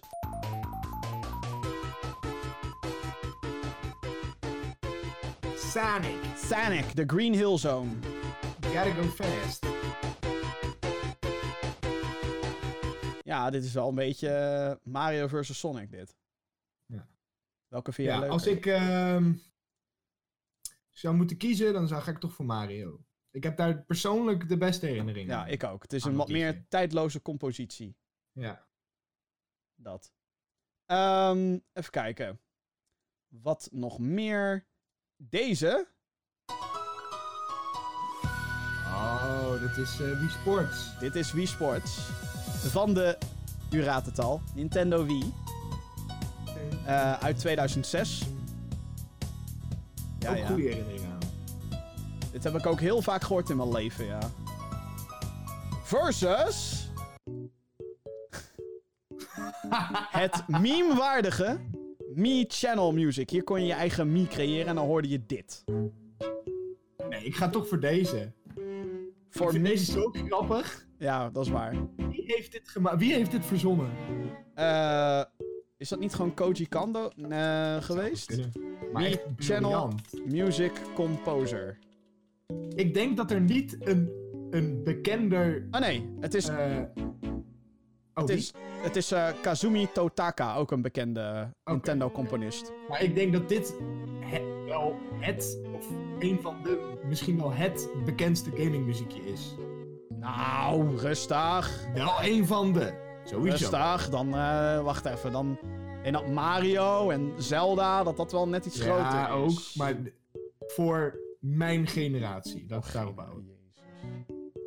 Oké, nou, eh, allebei zijn we het erover eens. De Me-channel is leuker. Ja, Meat Channel. Ja, Next! Zeker. Tetris! Ja, deze ken ik ook wel.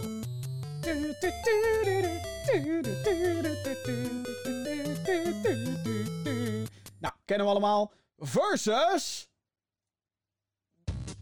Undertale? En dit is Bone Trousel.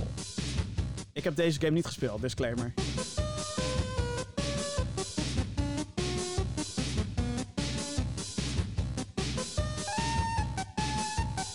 Klinkt wel lekker. Maar als je nou echt een goede uit Undertale had moeten pakken, dan had je Megalovania. Want dat kent iedereen, blijkbaar. Ja, klinkt als een leuk deuntje, maar ik heb er helemaal geen context bij. Dus voor Nee. mij is het Tetris is makkelijk Ja, gekozen Voor dan. mij is het ook Tetris. Oké, next! Oh, ja hoor! Ja, ja! Deze heeft gewonnen, dat is makkelijk. Eh, dit is Doom, E1M1. Het eerste level uit de originele Doom uit 1993. Hey. Nou, even- Ja, dit is wel echt een klassiekertje. Versus een andere klassieker.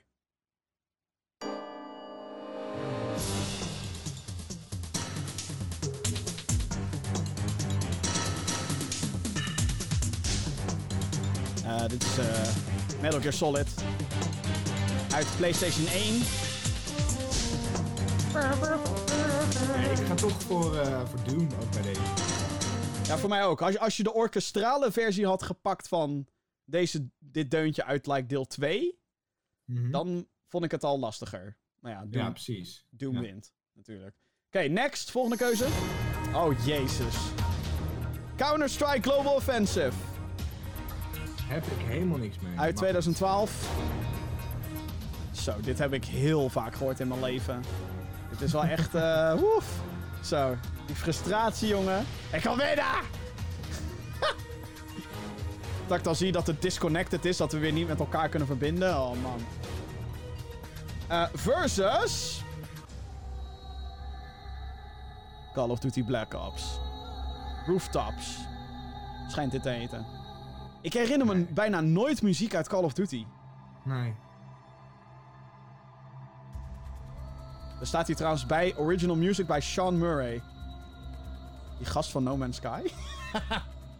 Oh? Nee, nee, nee, nee. Is niet te. Ah, denk ik. Ja. Nee, ik denk dat ik dan toch voor die CSGO, hè? CSGO. Ja, de... de, de Vind Call- ik qua muziek ook leuker. Ja. Eh, even kijken. Dan, de laatste is... Oh, ja, daar is hij. Hey, Ik Undertale. zei het net.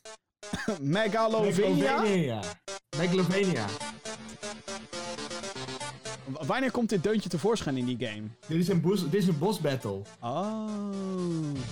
Oh.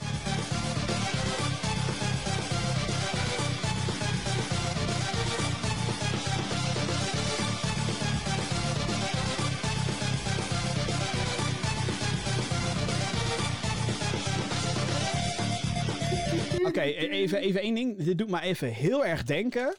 En dit is misschien weer zo'n rare hersenprikkel die ik heb. Oh. Maar de vibe hiervan doet me denken aan een andere game tune. Toevallig een character die mijn naam deelt. Eh, Jim, eh, weer? Earthworm Jim. Ja, Earthworm Jim. En dan met name eh, dit stukje. Als ik het kan vinden.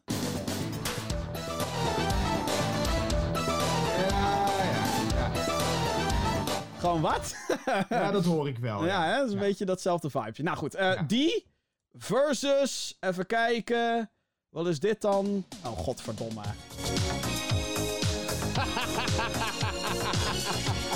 Dit zijn geen. Ik ga voor Rick Ashley. I don't give a fuck.